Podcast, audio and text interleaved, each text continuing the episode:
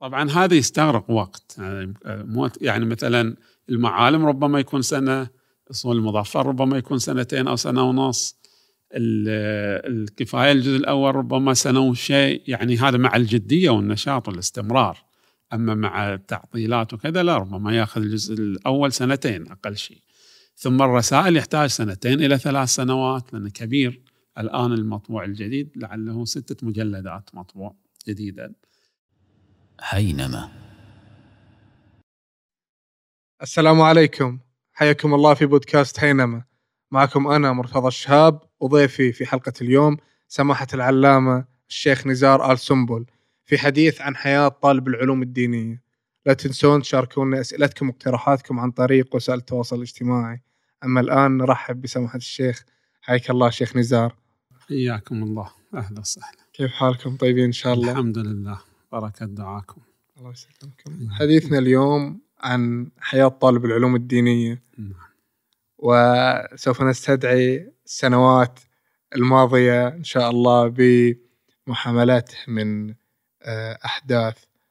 فأول شيء نخوض فيه هذا اليوم هو الدافع الذي دفع الشباب في ذلك الزمن للتوجه لطلب العلوم الدينية بسم الله الرحمن الرحيم الحمد لله رب العالمين وصلى الله على محمد وآله الطيبين الطاهرين.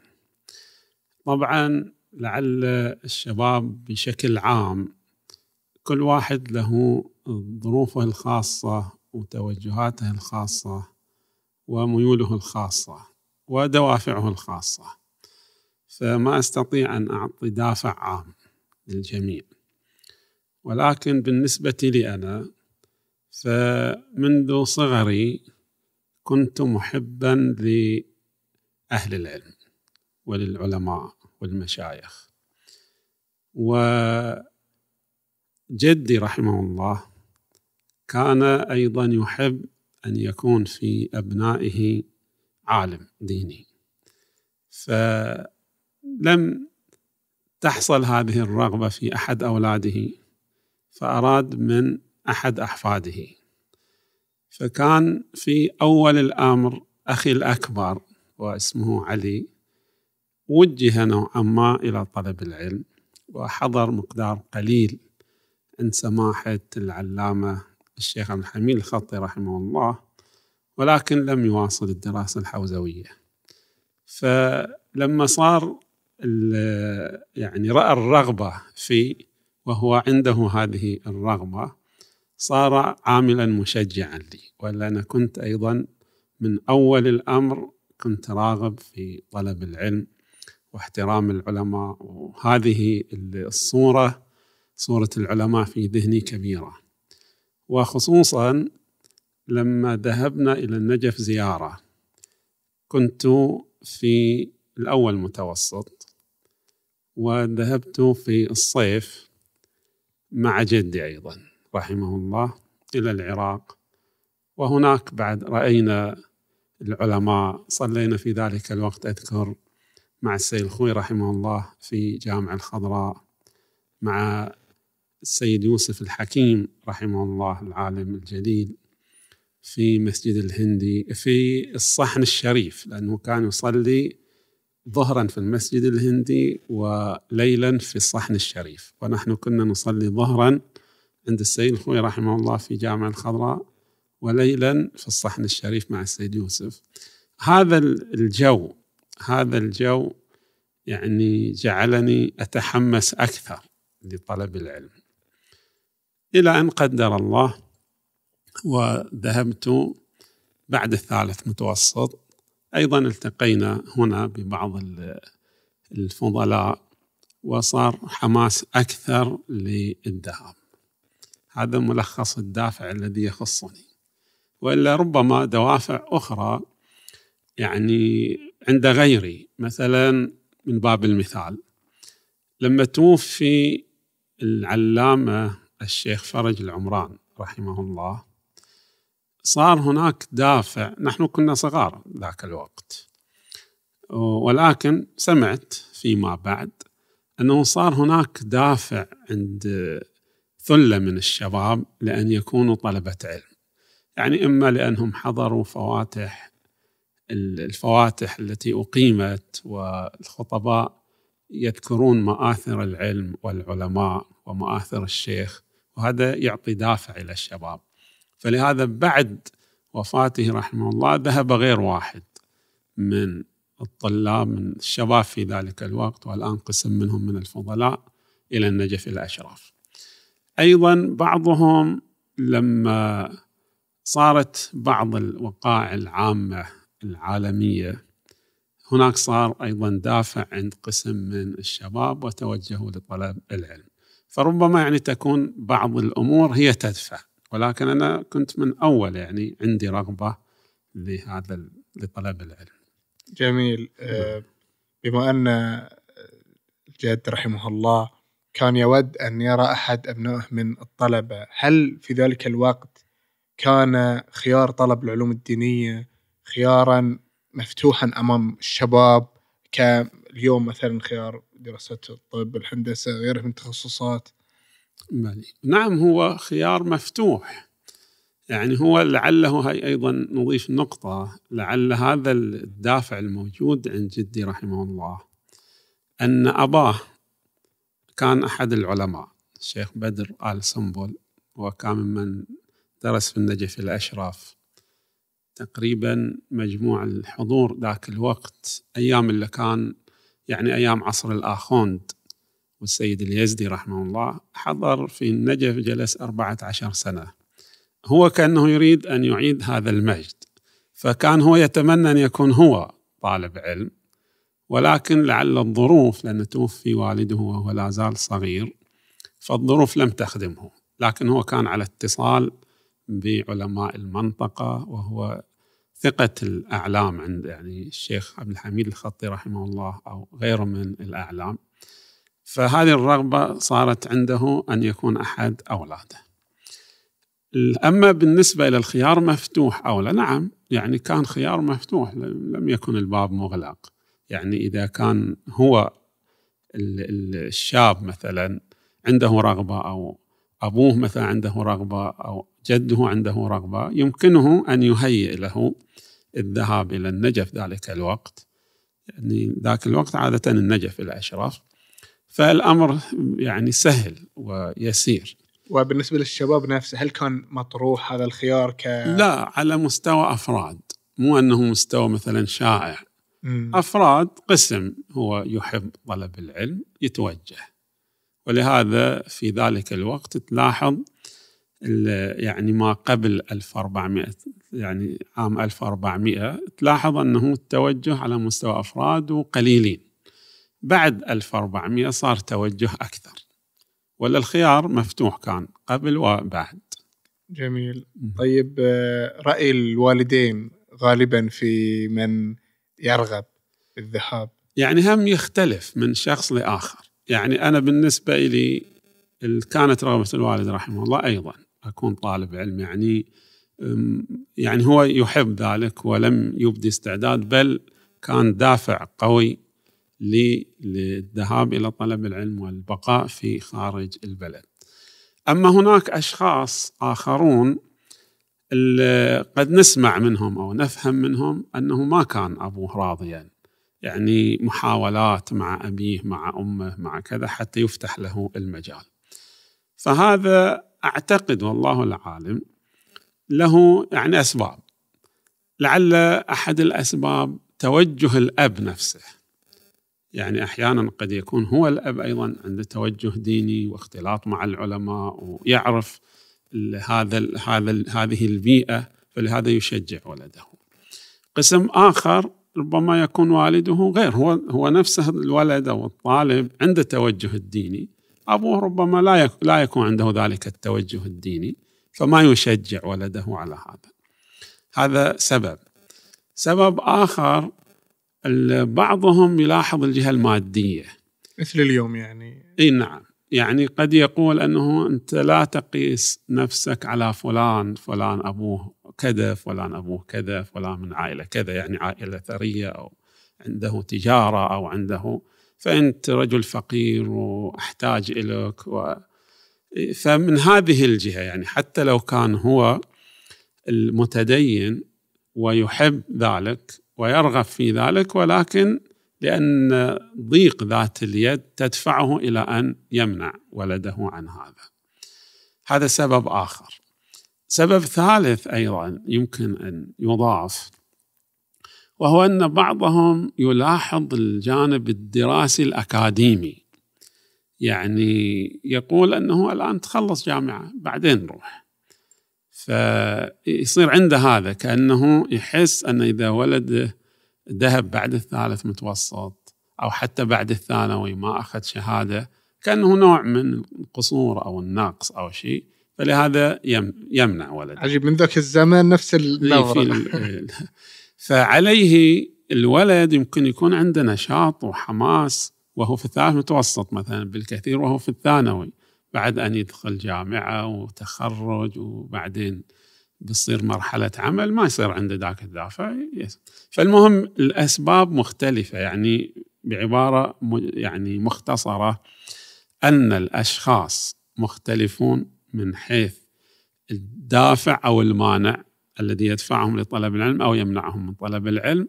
وهذه أسباب تختلف باختلاف بيئة الشخص مجتمع الشخص أسرة الشخص. نعم اختلاف الأسباب في الحقيقة طبيعي جدا. نعم. ولكن اليوم لو مثلا واحد من الشباب قال أنا أبي أدرس طب غالبا الموافقة أكثر من الاعتراض فكنت نعم. فقط أود أن أقيس هل في ذاك الزمن كانت آه، دراسة العلوم الدينية امرا مقبولا قبول مثلا التخصص الأكاديمي اليوم أم لا؟ لكن يظهر أن نفس النظرة حتى إيه. اليوم موجودة. لا يعني هو مقبول مو أنه مو مقبول ولكن قلت لك أن هناك أسباب تختلف من شخص لشخص. نعم. النظرة العامة مقبول يعني طلب العلم مقبول والنظرة إلى طالب العلم في ذاك الوقت أكثر يعني احتراما من النظرة الموجودة الآن. يعني النظرة في ذلك الوقت يعني إحنا كنا صغار لما نرى طالب علم حتى يمكن هو بتعبير الآن أو بتعبير الحوزة مستوى سطوح. يعني مستوى سطوح فعلا يعتبر يعني أشبه مو مقدمات بعد المقدمات مباشرة إنه الحوزة مقدمات سطوح.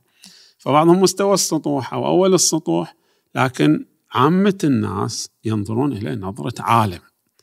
يعني مثل مثل كأنه مجتهد جاي.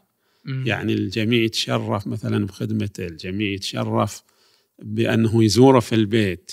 أو إذا هو استضافه على مثلا وجبة أو ووافق هذا الشيخ أو هذا السيد يعني يفتخر هذا يعني النظرة كان لعله أقوى من الآن. يعني بالنسبة إلى طالب العلم النظرة أقوى. هذه من المجتمع. المجتمع نعم. طيب آه، سماحتكم توجهتوا للدراسة بعد الثالث متوسط. نعم. آه، هل كنت متزوج أو لا ذاك الوقت بعد. إيه.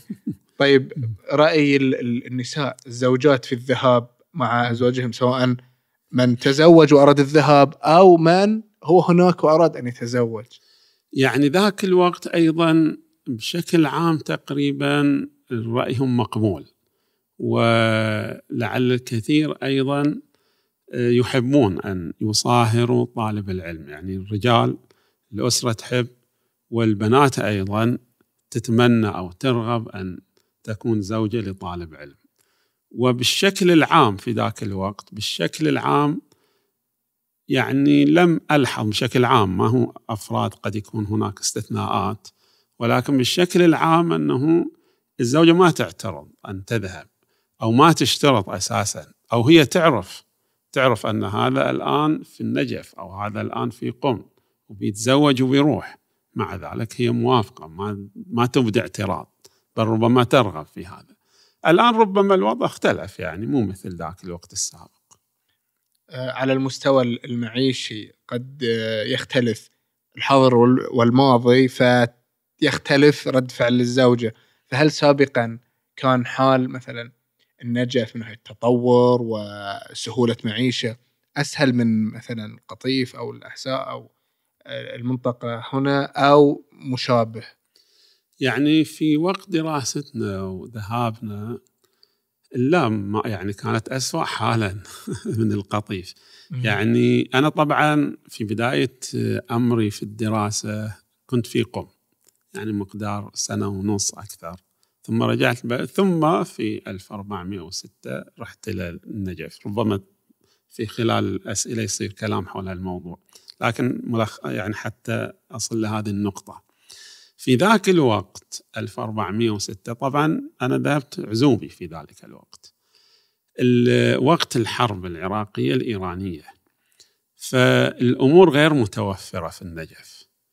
فالعيشة عيشة تستطيع أن تقول عيشة كفاف بالنسبة. مو أنه ما في شيء لأنه مو مثل حصر هو يعني هناك يعني حصر اقتصادي أو شيء لا. ولكن طبيعة البلد باعتبار بلد حرب ما تكون جميع الأمور متوفرة فيها. ثم بعدها يعني أنا ذهبت 1406 إلى النجف. 1407 أنا تزوجت. 1408 أخذت العائلة للنجف. فهي عاشت هذا الوضع اللي هو أحيانا بعض الأمور تتحصل أحيانا بعض الأمور ما تتحصل. يعني أحيانا بعض الأمور إذا آه، وجدناها نحاول ناخذ الكمية المستطاعة لأنه نعرف أن هذا ما بيتوفر فيما بعد. يعني حتى على مستوى مثلا تايد. يمكن الآن متوفر في السوق أو أحد الدكاكين يبيع لكن عقب يومين خمسة أيام ما تشوف في السوق. فناخذ مثلا كمية. كمية. أو حتى نشاف مثلا. أحيانا تشوف ما في في السوق أحيانا متوفر وهكذا أمور أخرى. طبعا الأمور الأساسية متوفرة. يعني مثلا رز السكر دهن لحم دجاج هذه الأمور الأساسية متوفرة. فالوضع يعني كان أسوأ حالا يعني من القطيف ولكن بشكل عام المقبول بالنسبة إلينا لأنه إحنا بالنسبة يعني كطالب علم لأننا عندي هدف أدرس كيف ما كان. ولكن حتى بالنسبة إلى العوائل لا أقول كل العوائل طلبة العلم لكن قسم منهم أو كثير منهم ما لاحظت أن هناك امتعاض أو امتناع يعني قابلين بهذا الوضع. جميل. أه سبب اختيار قم أولا ثم العدول إلى النجف؟ بالي هو طبعا القم أولا باعتبار ذاك الوقت أنا صار العزم 1401 أو تستطيع تقول نهاية 1400 بالأساس. ذاك الوقت بدت يعني الأزمة في النجف. يعني من صارت أحداث الثورة في إيران ثم صارت أحداث السيد الصادر رحمه الله في النجف صارت أزمة في النجف. فالطلبة الموجودون في النجف هم غادروا. يعني حتى طلبة القطيف أو لعل طلبة الأحساء غيرهم هم من نفسهم هاجروا من النجف إلا القليل ولا الكثير أو كلهم تقريبا كلهم ما عدا يمكن واحد هاجروا من النجف. فذاك الوقت النجف ما فيها استعداد أنه واحد يروح يصير طالب علم فيها جديد. فلهذا إحنا اخترنا قم إحنا اخترنا قم باعتبار ذاك الوقت قم الآن جديدا فتحت. النجف فيها هذه الظروف الخاصة بعد أحداث السيد الصدر رحمه الله. فقم انفتحت. قم انفتحت إحنا في 1400 تقريبا أواخرها صار العزم على الذهاب إلى إلى قم. كانت العطلة. ولكن صار اللي صادف بدأت الحرب. يعني إحنا كنا عازمين وحاجزين الذهاب في ذي القعدة أذكر. فصارت الحرب. بدأت الحرب في ذي القعدة على ما في بالي الحين. فلهذا توقفنا في بداية 1401 1401 صار لقاء بعض المشايخ اللي كانوا في قم سابقا علينا وجاءوا لمحرم لأجل محرم القراءة. واتصلنا بهم من جملتهم طبعا الشيخ محمد علي بيابي العلامة أحد الفضلاء البارزين الخطباء المعروفين حفظه الله. فاتصلنا به يعني عن طريق ما كنت أنا أعرفه كان الوقت ذاك الوقت عمري تقريبا 16 أو 15 سنة ونص. ما أعرف يعني ولكن عن طريق من واحد إلى واحد. فاتصلنا به فهو قال إن شاء الله أنا بعد العشاء أرجع والأمور مرتبة ولكن الطريق اختلف. يعني كان ذاك الوقت ما دام صارت الحرب بين العراق وإيران فالطيران من الخليج مباشرة إلى إيران ما كان متهيأ يعني مو بالسهولة. فذهبنا إلى سوريا ومن سوريا إلى هناك. طبعا كان مسموح يعني ما كان ممنوع السفر ولكن باعتبار الحرب الطيران غير مهيأ ولا كان ماكو منع يعني. ولهذا ذهبنا إلى سوريا ومن سوريا إلى هناك. بعدها حتى نكمل بعدها فترة لعل تصير أسئلة نقول بعدها رحت النجف متى كذا ننتظر الأسئلة.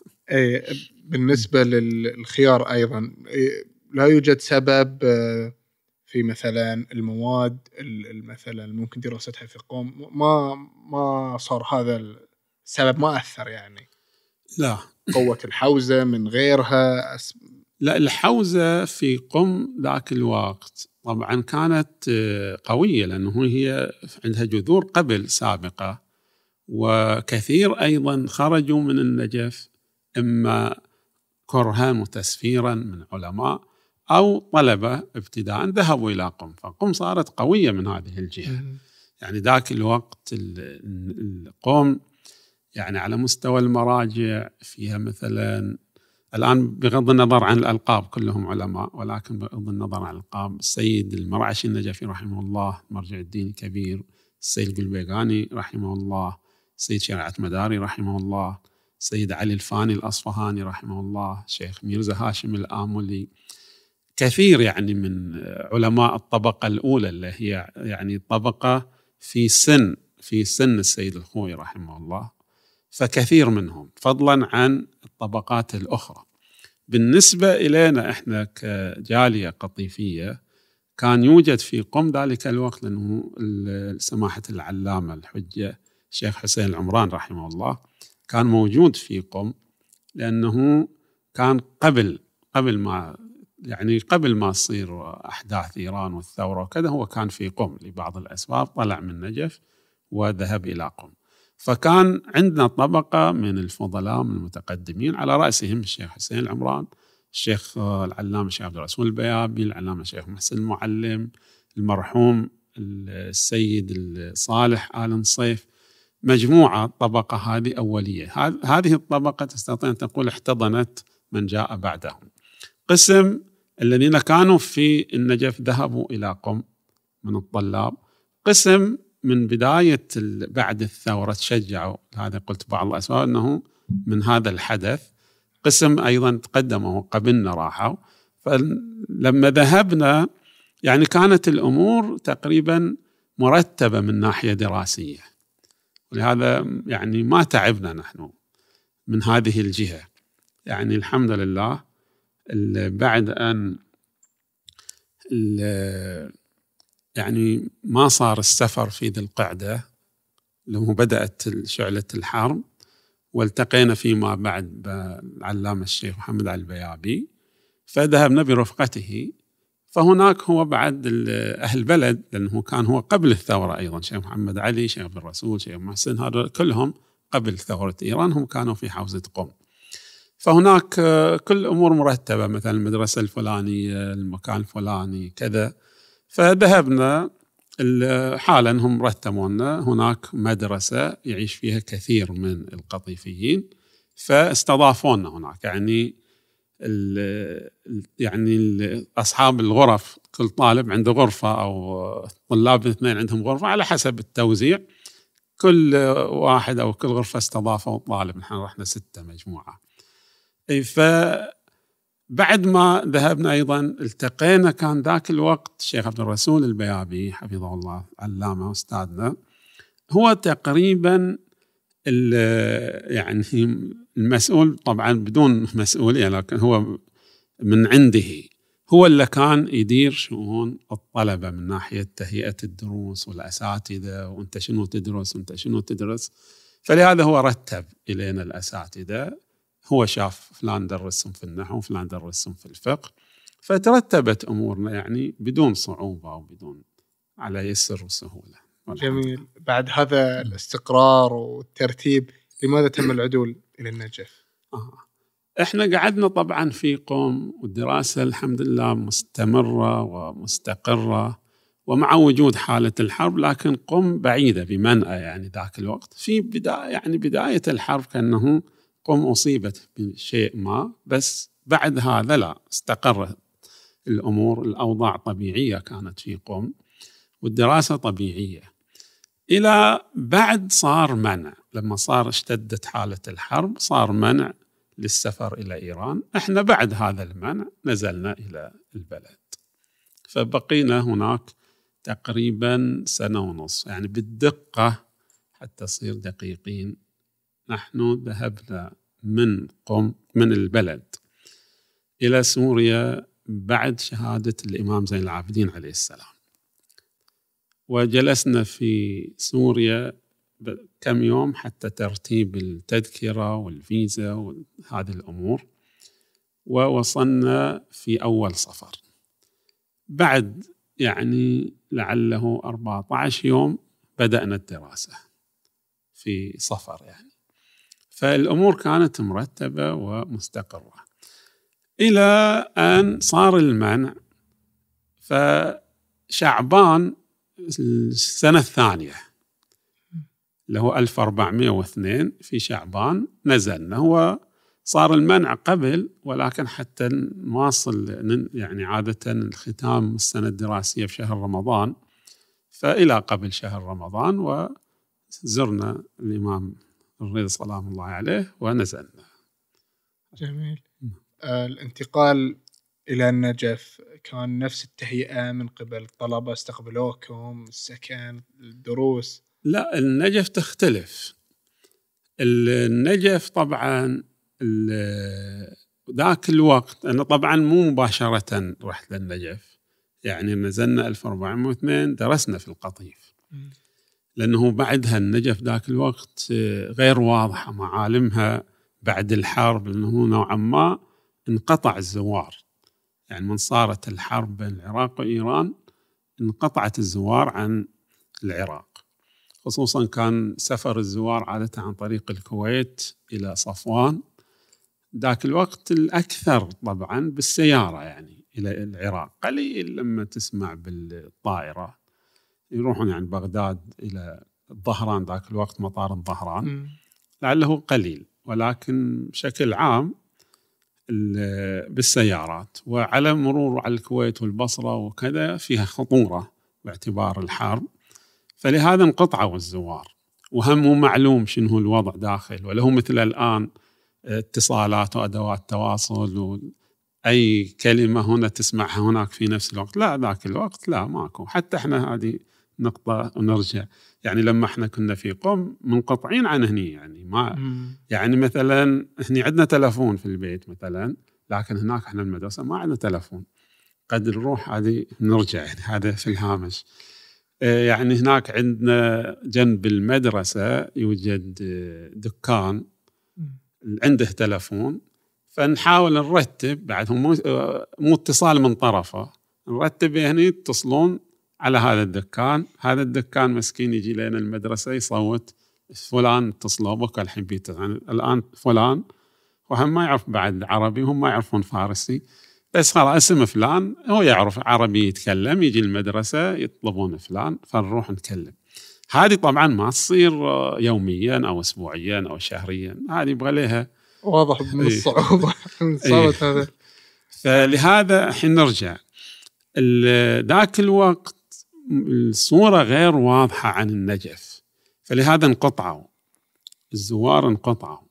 فبقينا بقيت أنا هنا إلى فترة هم رحت سوريا عدة أشهر ورجعت إلى 1406 قبلها 1400 قبل 1406 أنا رحت بدايتها يعني هالوقت يعني قبل الأربعين أذكر. قبلها الوالد رحمه الله ذهب للزيارة. في بعض الطلاب أيضا قبلنا ذهبوا للنجف واستوضحوا الأمر. الوالد لما ذهب إلى الزيارة ورأى الأوضاع لا نوعا ما مستقرة يعني ما لهم شغل. هذا طالب علم يدرس ما له شغل ما عنده أمور سياسية فما لهم شغل وياه. فشاف أنه الوضع يعني جيد. فلهذا هو شجعني أن أروح إلى النجف. فذهبت إلى النجف 1406 قبل صفر أذكر. قبل صفر أنا رحت حتى كنت محمل برسال رس- رسالتين أو ثلاث من بعض المشايخ الشيخ الحميد الخطي رحمه الله الشيخ عبد الله الخنيزي رحمه الله إلى السيد الخوي رحمه الله. صارت هم لطيفة ما عاد واحد يجيبها. اي تفضل إي تفضل خذ راحتك. إيه لا بأس يعني هذه هم لطيفة. أذكر الشيخ الحميد رحمه الله أعطاني رسائل الظرف طبعا والشيخ عبد الله الشي- السيد الخوي رحمه الله. إحنا من رحنا كان قبل الأربعين فمباشرة إلى كربلاء. الزوار عادة بشكل عام مباشرة إلى كربلاء. بشكل عام قد قسم نروح النجف أول ثم كربلاء. لكن هم باعتبار قرب الأربعين فرحنا مباشرة إلى كربلاء. السيد الخوي رحمه الله كان موجود يعني جاء كربلاء لزيارة الأربعين. فإحنا قلنا ما دام موجود بعد أحسن حتى نروح ونعطيهم رسائل وأمانات. ال- عرفنا المكان. هناك آه، حسينية حسينية الآذريين أو الأذربيجانيين وكانت بيد السيد الخوي وموجودة الآن هم يعمروها من جديد. يعني حسينية كبيرة قر- بين الحرمين تصير. يعني إذا تعرف هناك شارع الشجرة فيه نافذ يطلع جهة العباس. من على هذه الجهة الإمام الحسين وهذا النافذ على جهة العباس عليه السلام.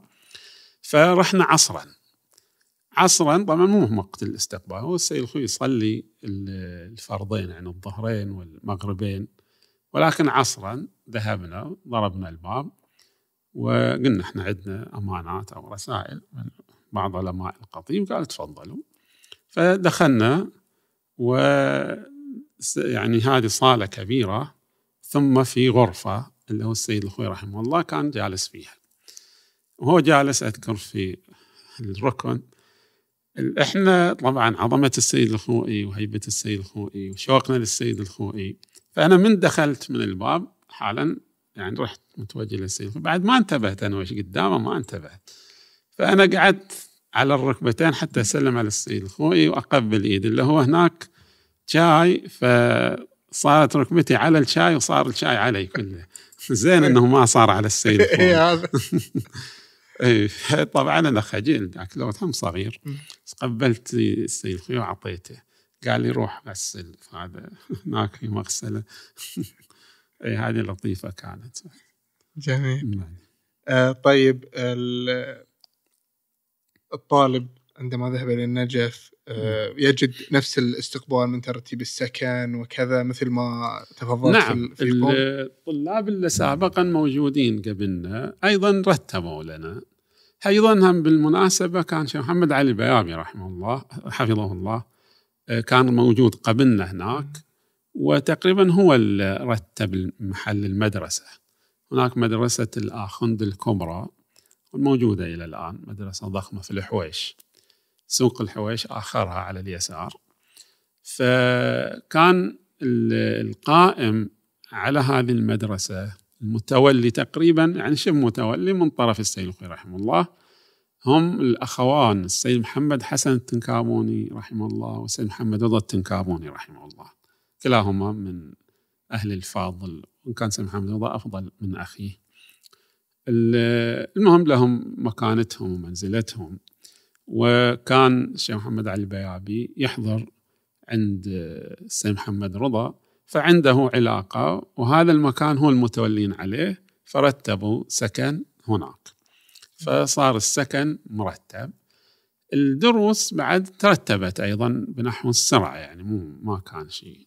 يعني هي دروس الحوزة عادة ترتيبها مو صعب. إذا أستاذ موجود أو حلقة قائمة وغايته ذاك الوقت باعتبار في نوعا ما حذر وخوف فقط يعرفون أن هذا الشخص ما عليه علامات استفهام يستقبلوه في الدرس. الدورة والدرس نعم. جميل. هذا بالنسبة للسكن والدرس. نعم. طالب العلوم الدينية قد لا يكون موظف وأعتقد هذا الغالب يعني. نعم. فما هي السبل المتاحة لطلب الرزق في ذلك الوقت؟ ذاك الوقت طبعا ولا لا زال فعلا هم المراجع هم اللي يتكفلون بمعيشة طالب العلم. يعني ال- المراجع وعادة المرجع الأعلى باعتبار هو أكثر إمكانية من غيره هو يعطي شهرية بتعبير الحوزة يعطي شهرية رواتب شهريا يعطي طالب العلم. فهو يم يعني تكون عيشته على ذلك. ربما مثلا ذاك الوقت باعتبار المرجع الأعلى هو السيد الخوي رحمه الله هو المدار عليه يعني هو اللي يعطي الراتب وراتب مجزي على تعبيرهم. وهناك أيضا المرجع الراحل السيد عبد الأعلى السبزواري رحمه الله أيضا يعطي ولكن طبعا بمقدار أقل. ولكن هي بالنسبة لطالب العلم تكفي نوعا ما. ربما يحتاج عادة الأهل يرسلون. يعني أنا بالنسبة لي يعني الأهل الوالد رحمه الله لم يقصر فأما في وقت سفري أو لو فرضنا أحد جاي أو شيء ربما يرسلون المبالغ ربما يرسلون أغراض أيضا خصوصا أشياء غير موجودة متوفرة قد يرسلوها من هنا. ولكن المدار في المعيشة عادة على المراجع. جميل. في نظرة آه، حالية يسألون لماذا لا يعمل طالب العلوم الدينية حال حال أي شخص آخر. نعم. أكو مثل يقال لو كلفت بصلة ما حفظت مسألة. مثل شرح هذا. المثل. يعني طالب العلم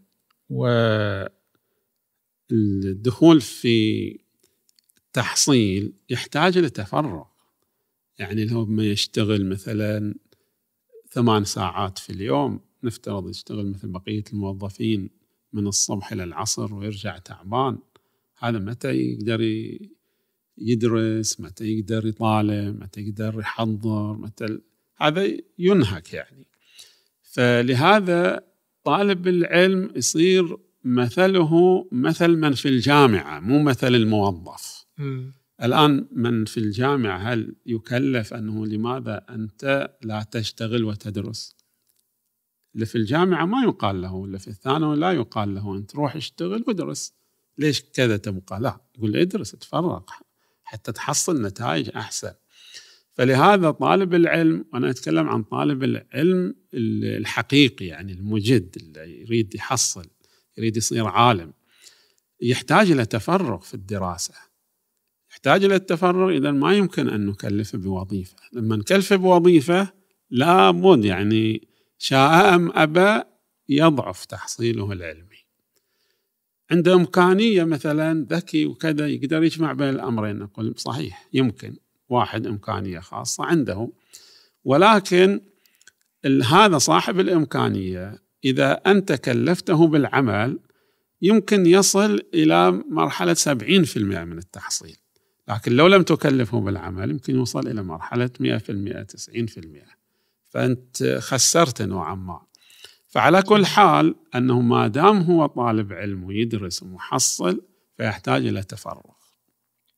جميل. نعم. أه، اسمح لي أناقشك في المساله أكثر. أي تفضل. أه، يعني الملاحظ أن طالب العلوم الدينية أه، دوامهم قصير جدا.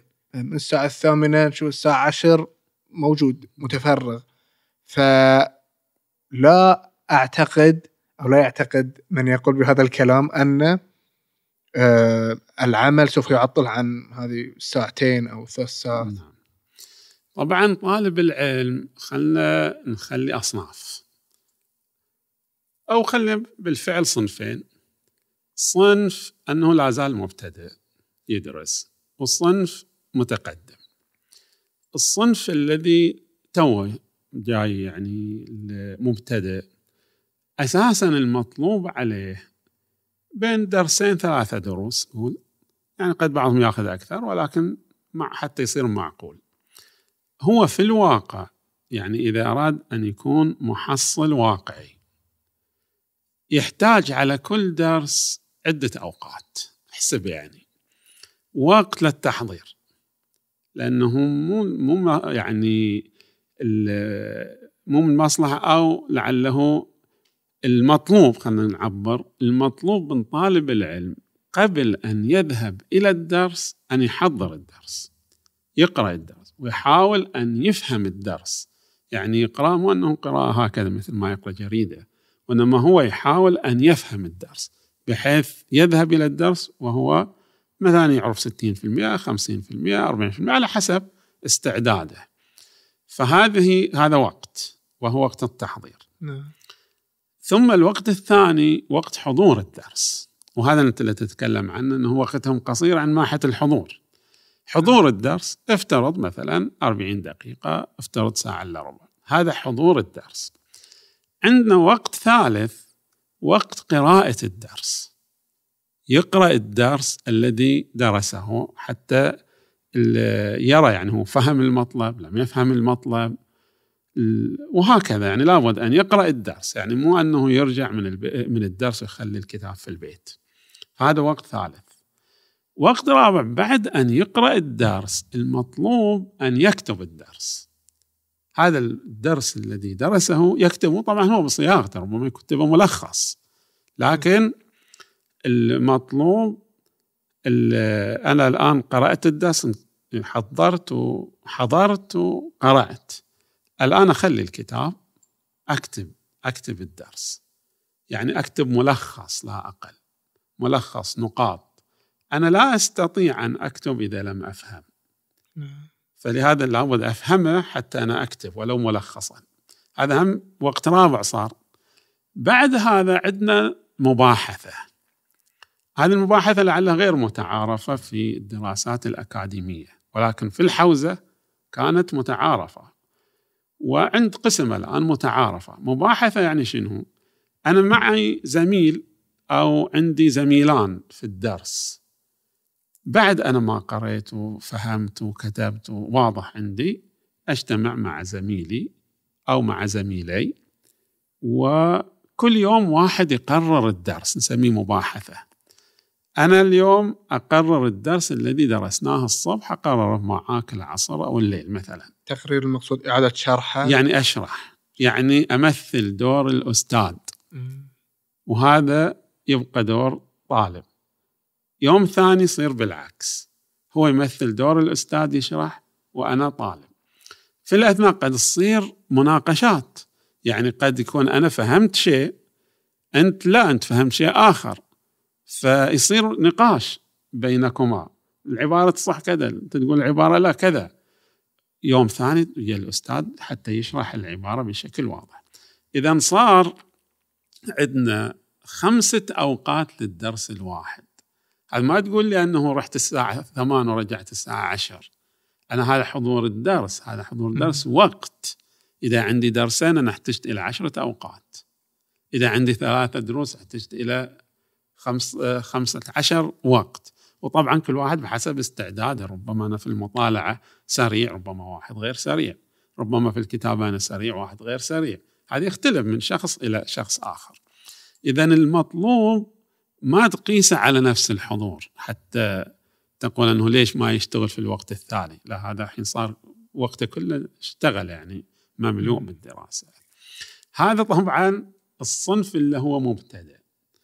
الصنف اللي تقدم. يعني الآن نفترض شخص حضر النحو حضر الجرومية ثم حضر شرح قطر الندى ثم حضر الألفية ثم حضر المغني. هذا سلسلة النحو اللي عادة تدرس. عادة قد يكون له في الألفية. كلش كلش نقول له في المغني يستطيع يدرس الأجرومية ويدرس القطر. فالآن هو صار عنده مهمتين. مهمة تلميذ هو يحضر مثلا سطوح السطوح الأولى يحضر مثلا أصول يحضر لمعة فقه يحضر كذا أو ربما يحضر نحو أيضا لكن المغني المرحلة الرابعة المتقدمة ربما يحضر بلاغة ويدرس نحو مبتدئين. تدريس هذا وظيفة. نعم وظيفة نعم. إلى طالب العلم. فصار نعم. عنده شنو نفس الطالب هو يدرس وهو يدرس. جميل. فيدرس المغني كما قلنا هو يدرس المخت... آه شو اسمه الأجرومية أو يدرس القطر. فصار عنده أمرين إذا يدرس درسين عنده مثلا درسين عنده تدريسين. ربما يصير عنده هو عنده درساء ثلاثة دروس له يدرس درسين. ربما بعضهم يدرس درس واحد على حسب يعني الأشخاص أيضا تختلف. المهم بعد ما تقدم بعد سنتين أو بعد ثلاث سنين من الحوزة هو الآن إذا كان هو طالب مجد هذا كلامنا مع طالب العلم الحقيقي. هو كان عنده وظيفة تدريس وعنده وظيفة حضور الدرس. جميل. أه سوف أكمل مناقشة عن هذه المسألة ولكن إذا بالإمكان تصف لنا يوم طبيعي من أيام آه، طالب العلوم الدينية. كيف يبدأ؟ كيف ينتهي؟ يعني مثلا مثلا خلني أجيب كمثال وقت أنا دراستي في النجف مثلا. وقت دراستي في النجف أول ما ذهبت أنا أول ما ذهبت للنجف كنت ذاك الوقت أحضر آخر المغني والمختصر مختصر في البلاغة تقريبا هم آخره.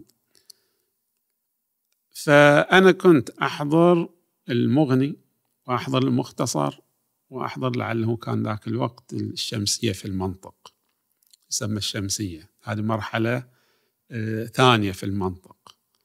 وربما تكون مرحلة ثالثة في المنطق. يعني بعضهم كان يدرس منطق الشيخ المظفر مرحلة أولى الشمسية المرحلة الثانية بعضهم قد يدرس مختصر خلاصة المنطق الدكتور الفضلي. ثم المنطق المظفر ثم الشمسية. المهم أنا كنت أحضر تقريبا المغني والمختصر والشمسية وأدرس شرح قطر الندى وفقه المنهاج. فهذه تقريبا أما تاخذ الصبح كله يعني من أبدأ بين درس وتدريس كذا. درس كم ساعة تقريبا؟ يعني قد يكون سبع مثلا قد يكون على حسب يعني. هو تتفاوت أحيانا درسنا من الساعة 7 أحيانا يعني بعض الدروس تبدأ من الساعة 8 فقد يكون الصبح كله قد يكون قسم من العصر. يعني أحضر دروس وأدرس بعضها الصبح والعصر أدرس مثلا أو شيء. فقد تتوزع يعني على حسب الأوقات المناسبة. فربما تكون كلها الصبح أرجع مثلا الظهر بعد ما تصير صلاة الظهر مثلا نصلي عادة ذاك الوقت مع السيد السبزواري رحمه الله باعتبار قربه. يعني مسجد السيد السبزواري رحمه الله قريب من مدرسة الآخوند. فالظهر كثيرا من الأحيان نصلي ويا السيد عبد الأعلى السبزواري المغرب عادة هناك. فالمهم الحين حتى يصير اليوم.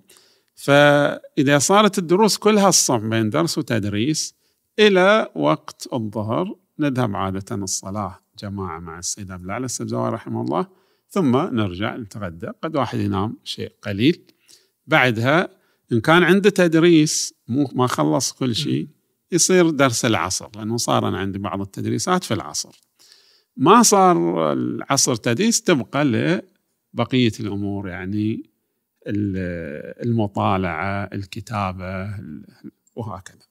المغرب عادة نذهب عند السيد الخوي رحمه الله في جامع الخضر نصلي هناك جماعة نزور أمير المؤمنين عليه السلام ثم نرجع. أحيانا هم وصابتني هذه بعض الأوقات أنه يصير عندي تدريس في الليل. بعد صلاة المغرب يصير عندي تدريس. ثم بعدها العشاء والمطالعة إلى وقت النوم هذا تقريبا هذا الجدول ما نقدر نعترض عليه ابدا يعني جدول مملوء ولكن نعم. لإكمال المناقشه اليوم أغلب طلاب آه، الدراسات العليا الدراسات الأكاديمية آه، هم من الموظفين ومطلوب منهم حضور حصص وعمل بحث والوظيفة أيضا وبالطبع لديهم عوائل نعم. فإذا كان الطالب الأكاديمي قادر على التحصيل واليوم هنالك سبل للاسترزاق. مثلا لا تتطلب اليوم كامل مثلا أن يكون مثلا سائق تاكسي لفترة معينة أو كذا. فلماذا لا يكون طالب العلوم الديني كذلك؟ يعني نرجع إلى نفس الجواب الأول أنه إذا كلفناه بالوظيفة يعني لابد بينقص من الأوقات المطلوبة عليه. يعني أما بيترك الكتابة أما بيترك المباحثة أما بيترك أصل التحضير فلازم يعني ما دام أنت شغلت وقت ساعتين أو ثلاث ساعات أو أربع ساعات أنت قللت. يعني الآن فعلا موجود لا نقول أنه غير موجود. مثلا في قم ولعل الآن أيضا في النجف. الآن فتحت مؤسسات لتحقيق الكتب. يعني كتب قديمة تحقق من جديد. يعني تخريج المصادر وما يرتبط يسمى الآن التحقيق. فهذه تحقيق الكتب تتطلب جهد. فقسم من الناحية المادية قد يكون ضعيف فيضطر أن يلتحق ببعض المؤسسات مثلا أربع ساعات في اليوم أو ساعتين ما أدري على حسب يعني ما أنا ما خط التجربة ولكن أشوف يعني بعضهم. فهو يدرس الصبح مثلا عنده أربع ساعات يروح المؤسسة لتحقيق الكتب. هذا موجود ولكن تحصل هذا الطالب بعض الأمور لا يقوم بها. يعني إما مثلا ما يكتب الدرس أو ربما ما يتباحث. المهم لابد أنه بعض الأوقات أشغلها في هذا. وصحيح توظف يعني صار تابع المؤسسة ولكن شغل. طيب آه أنا في إجابة معينة بس بضطر أسألها لأنها ما جات مسألة آه، دخول طالب العلوم الدينية إلى الأسواق والعمل فيها نسمع أنه غير محبذ نعم. فهل هنالك جنبة دينية للمسألة أم أنها اجتماعية محضة؟ يعني هي مسألة اجتماعية وربما الحالة الاجتماعية تدخل تحت عنوان ديني يعني المطلوب في طالب العلم أن يحافظ على مسلكه بحيث يطلب منه قضية العدالة هذا المطلوب مفروغا عنه وقضية المروءة. المروءة مطلوبة يعني في طالب العلم أن يحافظ على المروءة. ال ال النظرة الاجتماعية لطالب العلم أنه في السوق يشتغل هذا يستنقص من جهة المروءة. فعليه نقول النظرة ليست اجتماعية محضة ربما يكون أساسها اجتماعي ولكن الآن لما صارت النظرة الاجتماعية أن طالب علم ما يدخل سوق يعني يستخل يشتري ويبيع وهكذا يشتري ويبيع مو أنه أنا بروح أشتري لي أغراض للبيت لا يعني كتاجر نعم. أخذ ورد وربما بعد يصير كلام. تعرف إنه بين التجار وأنت مثلا كذبت علي وأنت أعطيتني بضاعه مو صحيحة وأنت المهم هذه قد تنافي المروءة. مطلوب على طالب أن يحافظ على المروءة. يعني مثلا الآن يمثلون الأكل في الشارع ينافي المروءة. إذا واحد طالب علم أو حتى شخص وجيه ومعروف وله مكانته الاجتماعية واقف مثلا في الطريق ويشرب ياكل مثلا شيء سندويشه وكذا هذا يعتبرون منافي للمروءة. فمن هذه الجهة قد يدخل في الجانب الشرعي. ولكن من يعتبر أن هذا منافي أو غير منافي أول هل نستطيع إيه؟ تعريف المروءة؟ لأن هنالك قد من يعترض يقول كيف يكون العمل طلب الرزق الحلال منافي للمروءة؟ اي مو مو كل طلب يعني الآن بعطيك أنا مثال شخصية من الشخصيات الاجتماعية في البلد مثلا معروف. هذا لما يشتغل آه، اجلكم الله في البلدية مال يعني تنظيف شوارع مقبول منه اجتماعيا. أو يقول لا. اجتماعيا لا ابدا. ليش؟ يقول مقامك مو هذا. هذا هم هم قد ما يكون عندهم التعبير الفقهي المصطلح الفقهي إن هذه نافي مروءتك هم يقولون ما ما يتناسب وياك. فإذا نفس الأعمال لا نقول أن العمل حرام ولكن من شخص لشخص أنت أنت وظيفتك مو هذه.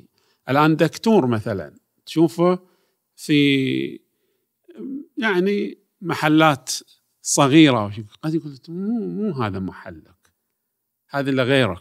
المهم المجتمع عنده نظرات والنظرة الاجتماعية مطلوبة شرعا مو أنه كن نظرة اجتماعية غير مقبولة لكن هذه النظرة بالذات أليست نظرة طارئة وليست صحيحة؟ مثلا عشان أتعمق في النقاش مثلا النبي عليه أفضل الصلاة والسلام على آله آه، كان راعي. مثلا الإمام علي يعني على ما يحضرني من من شرح نهج البلاغة أنه كان يحمل بعض الأغراض بالأجرة. فكان هذا دأب الأئمة مثلا والأنبياء.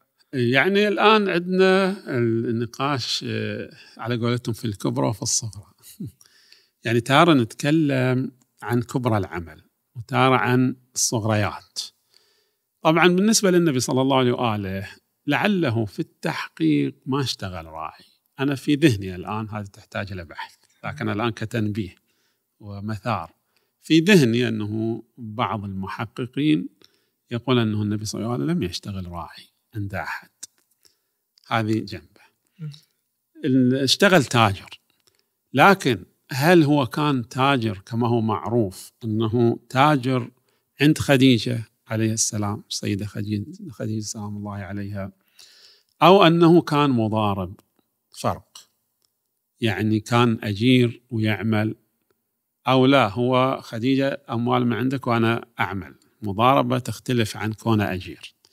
فلعل بعض المحققين أيضا يرى أنه كان يعمل مضارب. مضارب أي شريك ولكن هو بالعمل شريك وهي بالعمل. بالمال.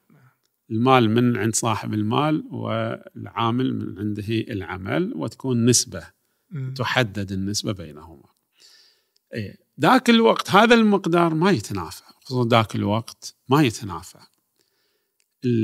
متى هذا كان؟ قبل قبل البعثة. قبل البعثة على هذا المنوال. ما بعد البعثة واشتغال الرسول صلى الله عليه وسلم بالتبليغ ومهام الدعوة هل أيضا عمل؟ ما يعني الآن ما نريد إحنا مو محل التحقيق صحيح. والكلام ولكن كسؤال هل أنه أخذ عليه أنه عمل؟ ربما مثلا آه، يجعل أحد من تحته هو يشتري وهو يبيع وهو صاحب رأس مال يمكن. أما أنه هو عمل أنا الآن مو في ذهني يعني لا أريد أن أنفي أن هذه المسألة طارئة الآن صحيح. إيه. أما أمير منى السلام أنه اشتغل أجير حمال هذا أيضا محل بحث. محل بحث وما أعتقد أكو دليل عليه. نعم. بس كعمل كتجارة لا في الأئمة عليهم السلام عملوا بالتجارة. يعني آه، عندنا بعض روايات الإمام الباقر عليه السلام أو الإمام الصادق عليه السلام يعني ربما هو يعطي الأموال لمن يعمل مثلا وذاك يشتري يمكن عنده هو مزرعة وغيره يشتغل فيها. نعم هذا أمر موجود. هذا ما يتناهى إلى الآن ربما يكون واحد عالم وعنده خير من أبيه من إرث من أمور ويجعل واحد يشتغل يعني في أمواله في أملاكه. في عندنا يعني في تراجم العلماء يوجد هناك علماء من أصحاب الثراء وعندهم هم رأس المال من عندهم وغيرهم يشتغل هذا. أما هو يقوم بالعمل وهو يروح السوق وهو يتعامل وأخذ ورد وهذا الآن النظرة الاجتماعية هي يعني الآن مو فقط الآن يعني في السنين هذه هم سنين طويلة يعني مو سنين قصيرة نستطيع أن نقول هذا موجود أنه مخالف للمروءة. والله العالم. جميل. نعود إلى الأجواء الحوزة. نعم.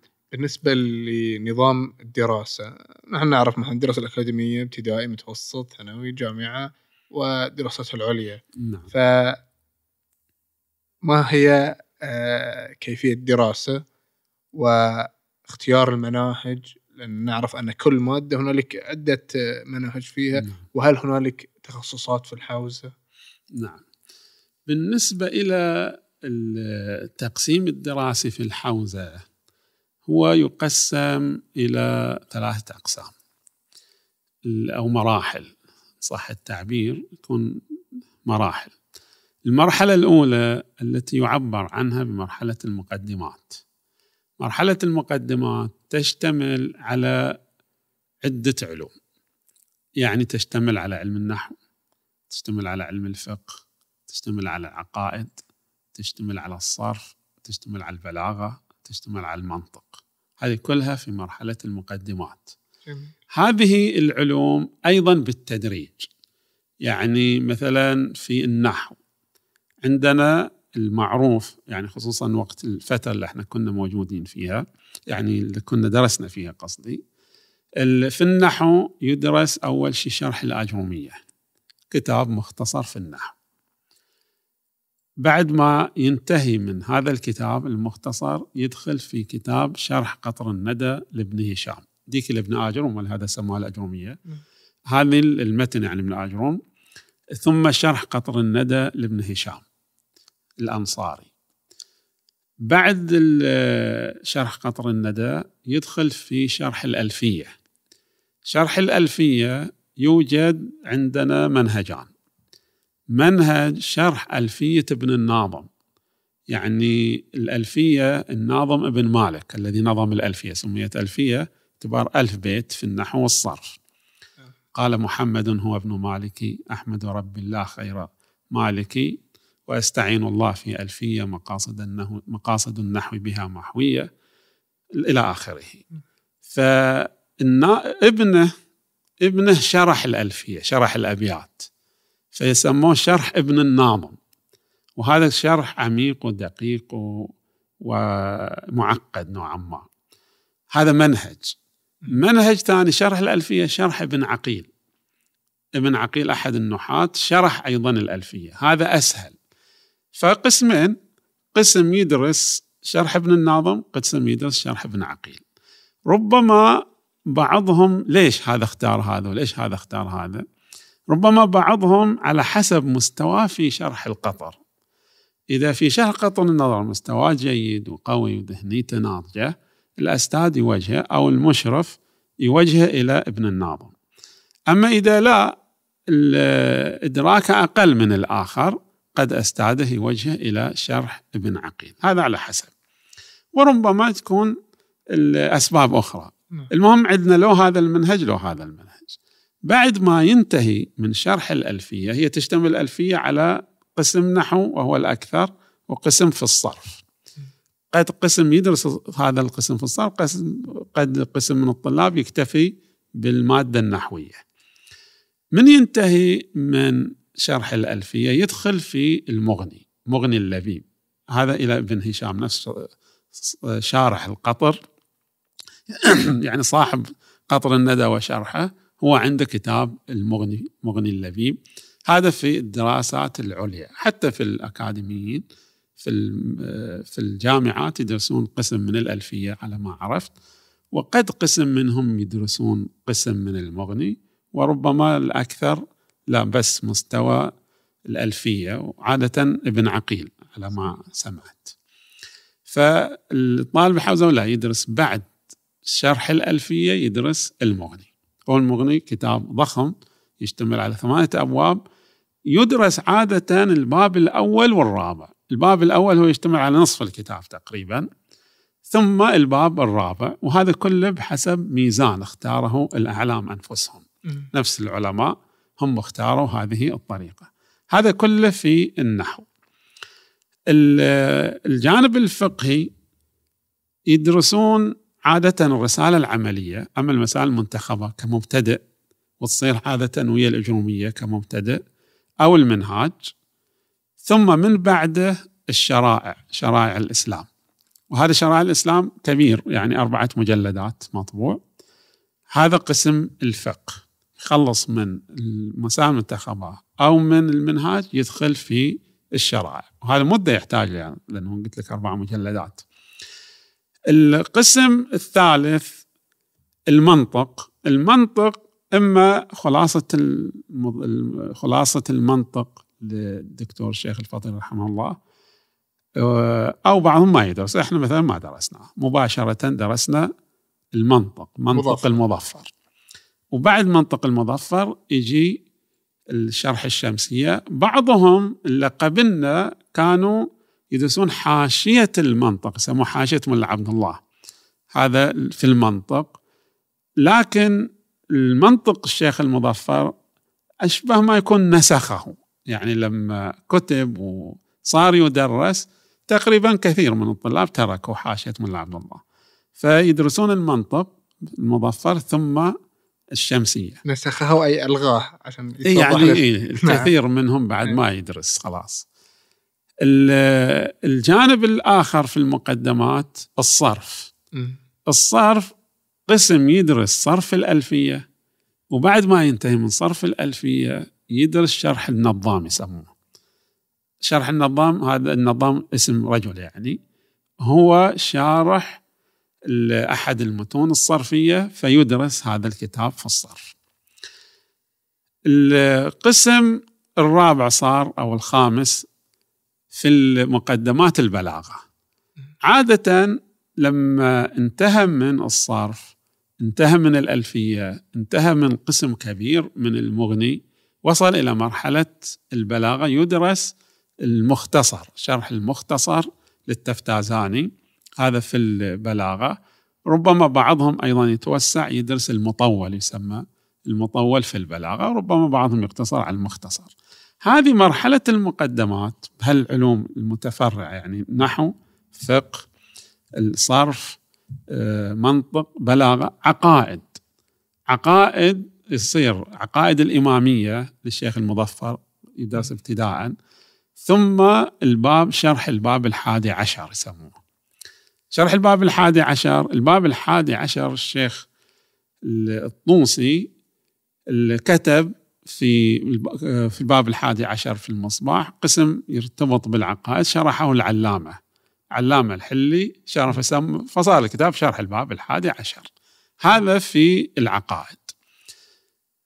مستوى ثاني بعد ما درس عقائد إمامية وهو يكون عادة بعد المنطق لأنه فيه اصطلاحات فيه براهين بعد المنطق. هذه المجموعة مجموعة كلها تدخل تحت عنوان المقدمات.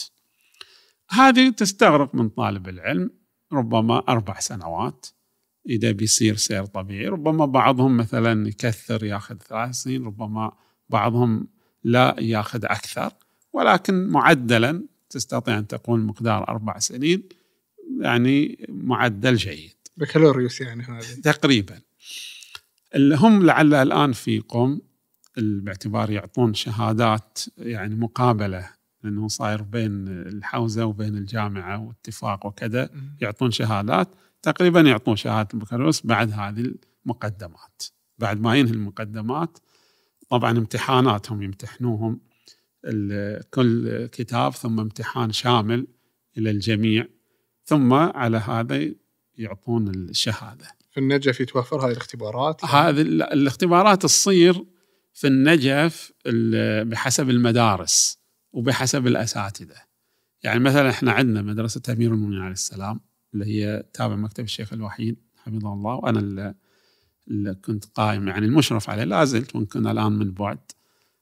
يعني أنا هناك اللي اسسته وكذا. عندنا عندنا امتحانات موجودة شهرية.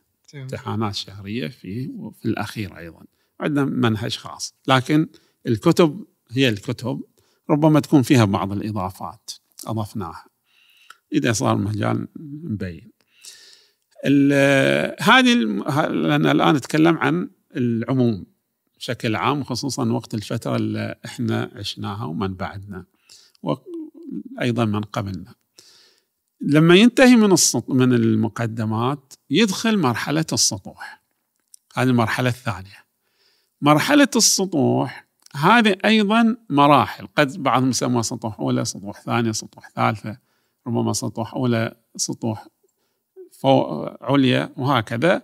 هذه مرحلة السطوح تشتمل على الأصول. فيبدأ طالب العلم ذاك الوقت إحنا في زماننا بمعالم الدين. معالم الدين في أصول الفقه لابن الشهيد الثاني الشيخ حسن ابن الشهيد الثاني. عنده كتاب معالم الدين هو معالم الدين عنده في الفقه وقدم له مقدمة في الأصول. هذا قسم اللي صار في الأصول آه، جعله العلماء محور دراسة. هذه كل اختيار العلماء الكبار. هم اختاروا هذا المنهج. فكان يدرسون المعالم. هذا بداية السطوح وبداية الأصول. ينتهي من المعالم. الوقت اللي قبلنا كانوا يدرسون كتاب القوانين يسموه في الأصول إلى القمي. محقق القمي يسمى. محقق القمي معاصر إلى السيد بحر العلوم.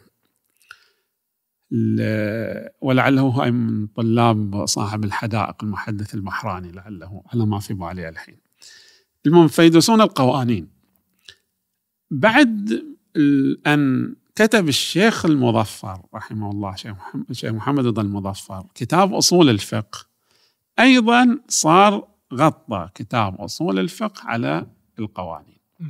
خصوصا أنه الشيخ المظفر لغته حديثة ولغة قوية رجل أديب وعربي صميم فلغته قوية وحديثة واستعرض الآراء الجديدة يعني المحقق القمي متقدم يعني في معاصر إلى السيد بحر العلوم يعني في 1200 وشيء توفي تقريبا.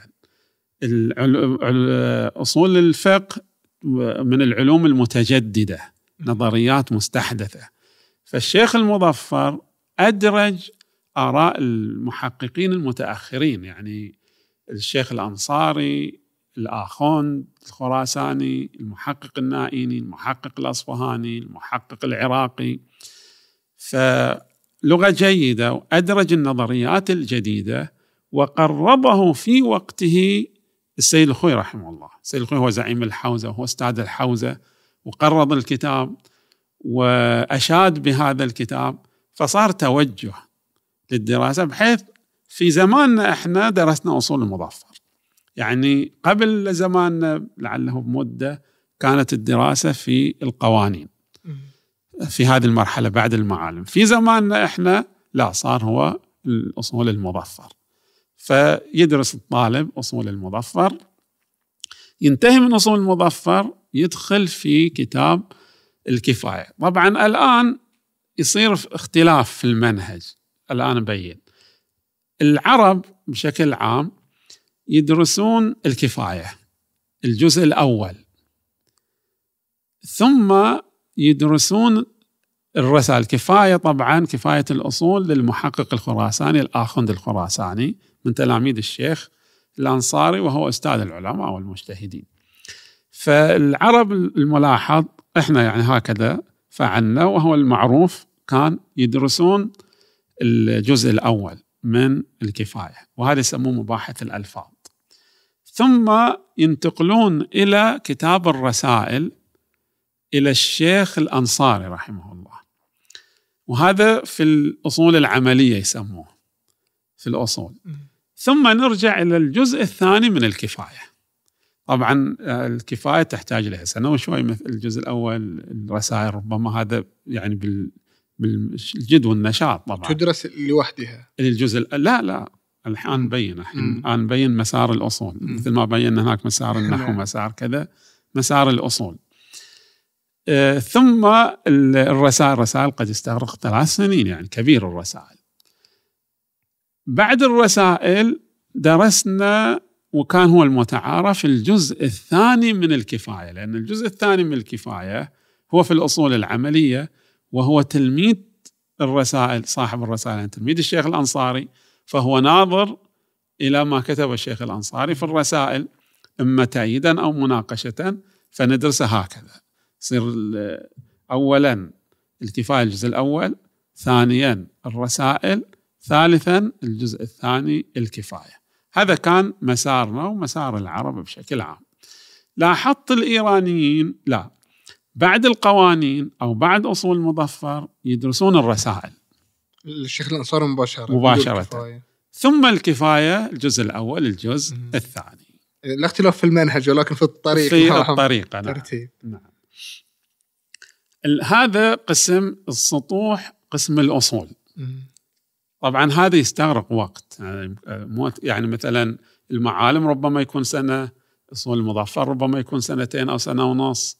الكفاية الجزء الأول ربما سنه وشيء يعني هذا مع الجدية والنشاط والاستمرار.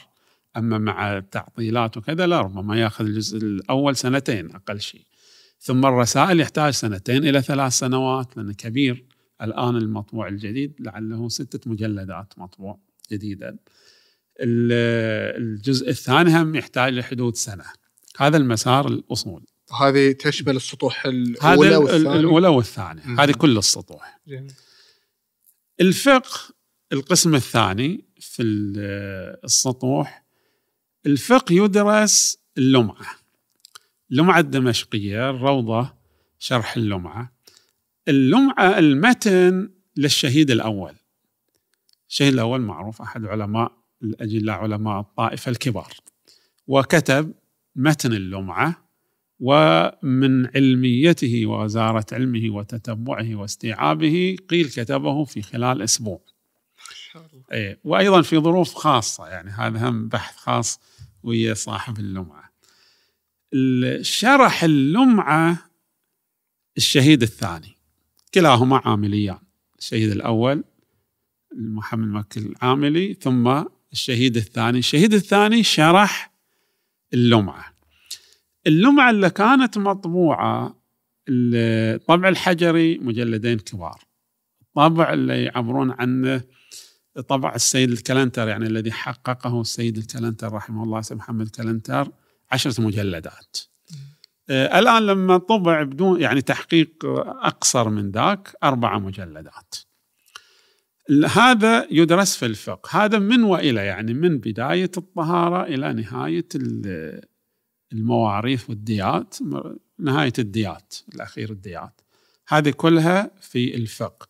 هذا فيه مستوى قليل من الاستدلال. الشرائع اللي درسها في المقدمات ما في استدلال في إشارات وقد يعتمد على الأستاذ ينبه على الإشارات.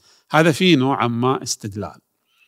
فيدرس الطالب هذا. عادة اللمعة وقتنا ما ندرس درس واحد في اليوم.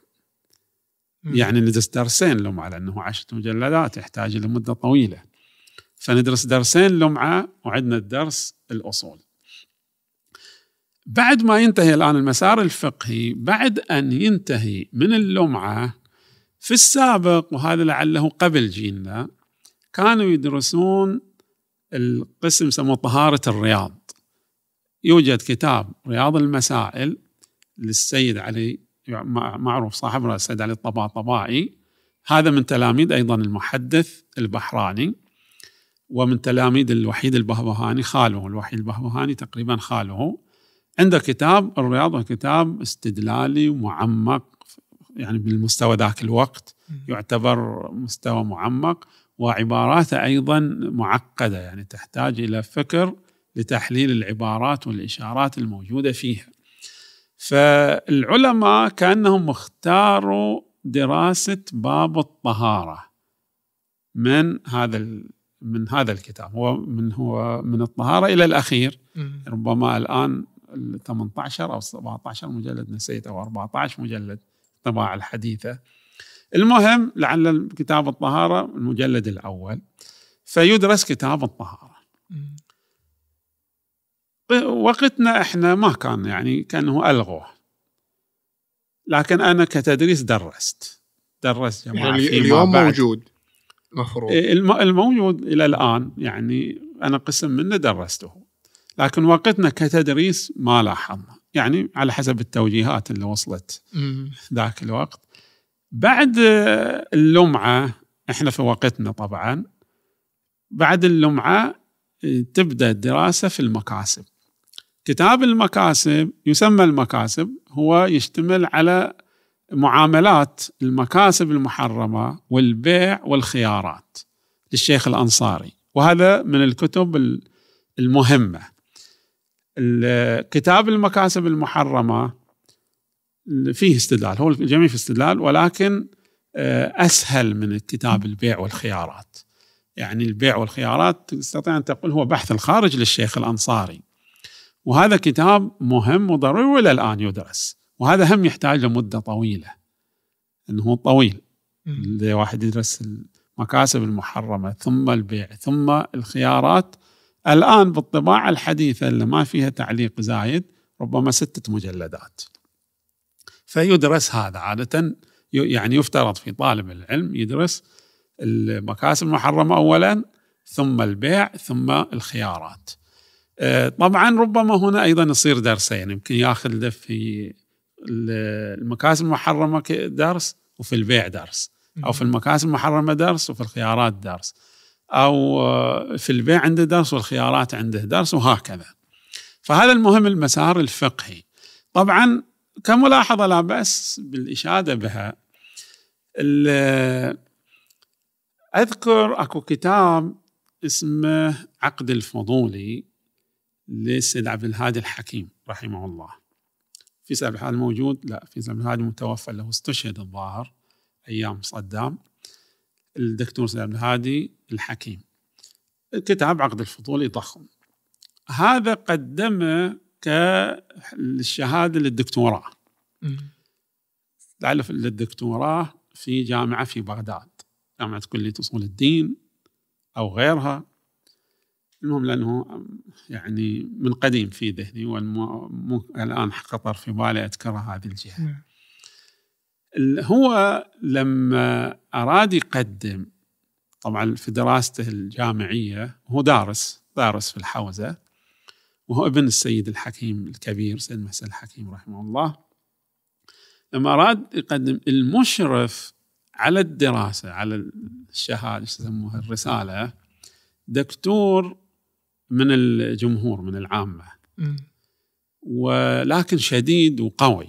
هو يعني الدكتور عندهم لكن قوي وشديد على الطلاب بحيث إنه من ياخذ الرسالة هو يتابع المصادر ويتأكد من صحة النقل وأيضا يتأكد هذا ناقش بمناقشة نسبها لنفسه طالب يشوف أنه موجوده عند غيره وأخذها بدون أن ينسب أو لا. فهو شديد شديد ودقيق. هذا قدم الآن. آه لما صار لما صار هذا المشرف هو السيد عبد الهادي رحمه الله تكلم مع السيد محمد تقي الحكيم. طبعا أنا بغض النظر عن الألقاب ولا هو السيد محمد تقي الحكيم رحمه الله أحد أجلة علمائنا صاحب كتاب الاصول العامه للفقه المقارن وغيره من العلماء الأجلاء.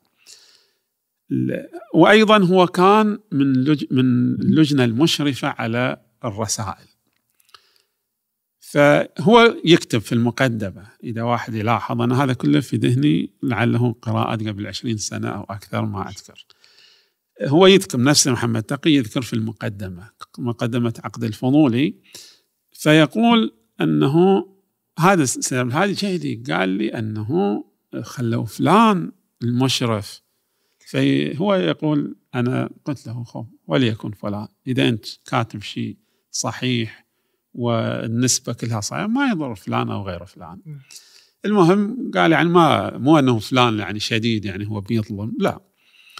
المهم يقول خلصت الرسالة ناقشه هو كان أحد المناقشين. هذا الدكتور المشرف وهو السيد محمد تقي أيضا وعضو ثالث.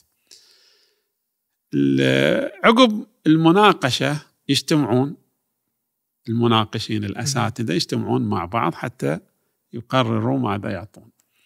فهذا الدكتور اللي هو من العامة هو خاطب سيد محمد تقي رحمه الله. قال أن هذا الكتاب وهذا الكاتب يستحق درجة الشرف. دكتوراه يستحق بدرجة الشرف. كتاب رصين وقوي. وهذا ليس من طبعا أنا الآن أجيب المضمون.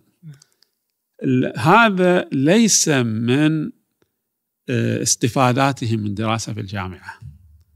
وإنما هذا من استفادته من دراسته في أروقة المساجد في الحوزة العلمية في النجف. ويقول أنا أشد على يدكم ان عندكم ويعني كأنه يعني مثل ما تقول هيب أو شيء من هذا التعبير أن تدرسون كتاب المكاسب للشيخ الأنصاري. وهو كتاب قوي ومتين يعني طلع عليه. وهذا بركات دراسة انه الشيخ الأنصاري متعرض إلى بحث العقد الفضولي بحث موسع مناقشات. فيقول هذا ببركه دراسته في أروقة الجوامع عندكم. وكتاب المكاسب وأنا أهيب بكم لا تتركوا هذا هذا الكتاب. وكأنه كأنه أيضا قال أنه أنتم زين مضمون الكلام أنه زين أنكم في الحوزة لا زلتم يعني متمسكين بهذا العلم اللي هو علم تقليدي أو شيء لكن هو علم علم قوي ناضج مع الأس مع الأدلة والاستدلال. بخلاف ما عندنا. هم كأنه العلماء هم السابقين اللي كانوا يدرسون في المساجد يدرسون الكتب الفقهية المتينة عندهم بحسب مذهبهم. الآن تركوها صاروا إلى الكتب المبسطة. فهو شاهدي هنا يعني مدح المكاسب وطلب من سيد محمد التقي رحمه الله أنه لا تتركوا كتاب المكاسب من الدراسات. جميل. هذا المسار الفقهي. طيب شيخنا هذه الرحلة الطويلة بين الفقه والأصول هي كل ما تحتوي سنين آه، السطوح؟ لا. عندنا القسم الآخر في السطوح هو دراسة العقائد أو الفلسفة والعقائد.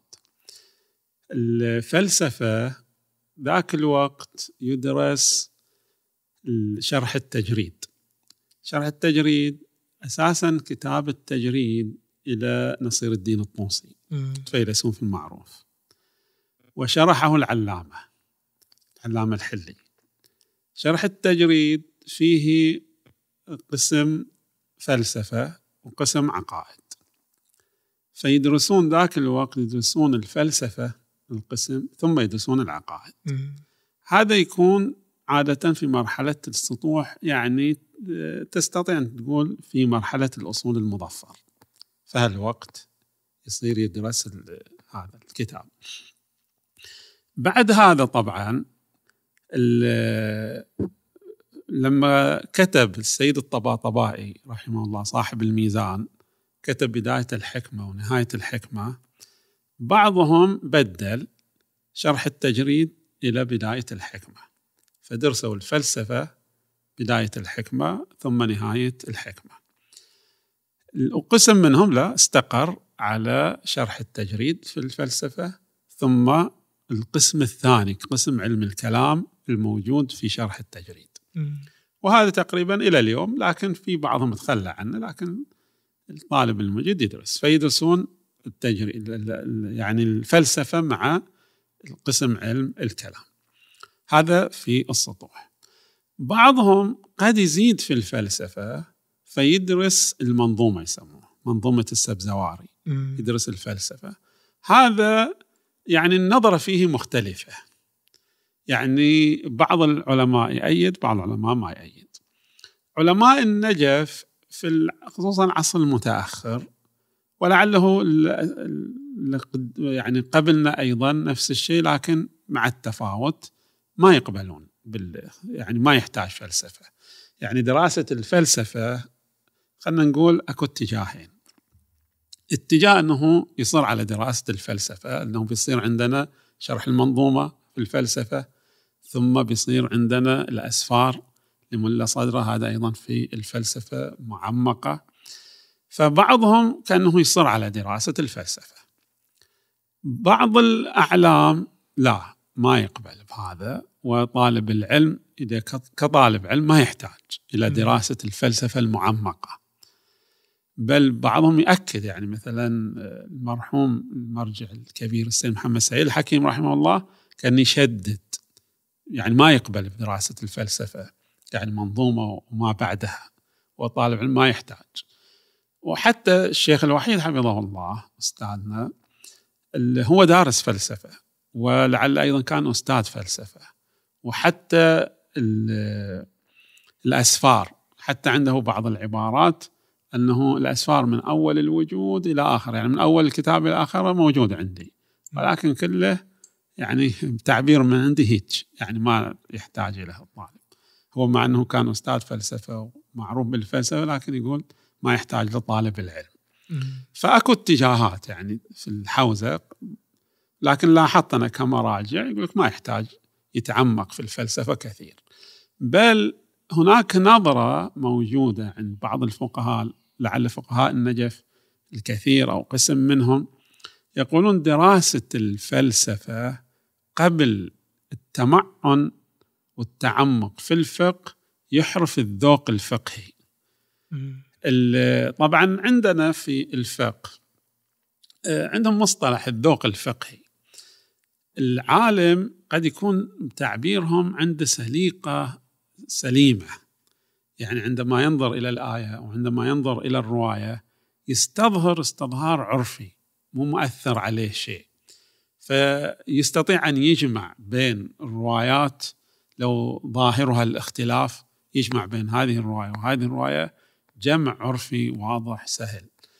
فيقولون فلان عنده ذوق فقهي يعني جيد. قسم قد يكون يعني عنده نوعا ما خلينا نعبر وإن كان لعل تصير إساءة أدب. نوع ما عبر يعني التواء أو شيء يعني تحميل النص أكثر مما يتحمل أو شيء. المهم هذا يرتبط بالذوق.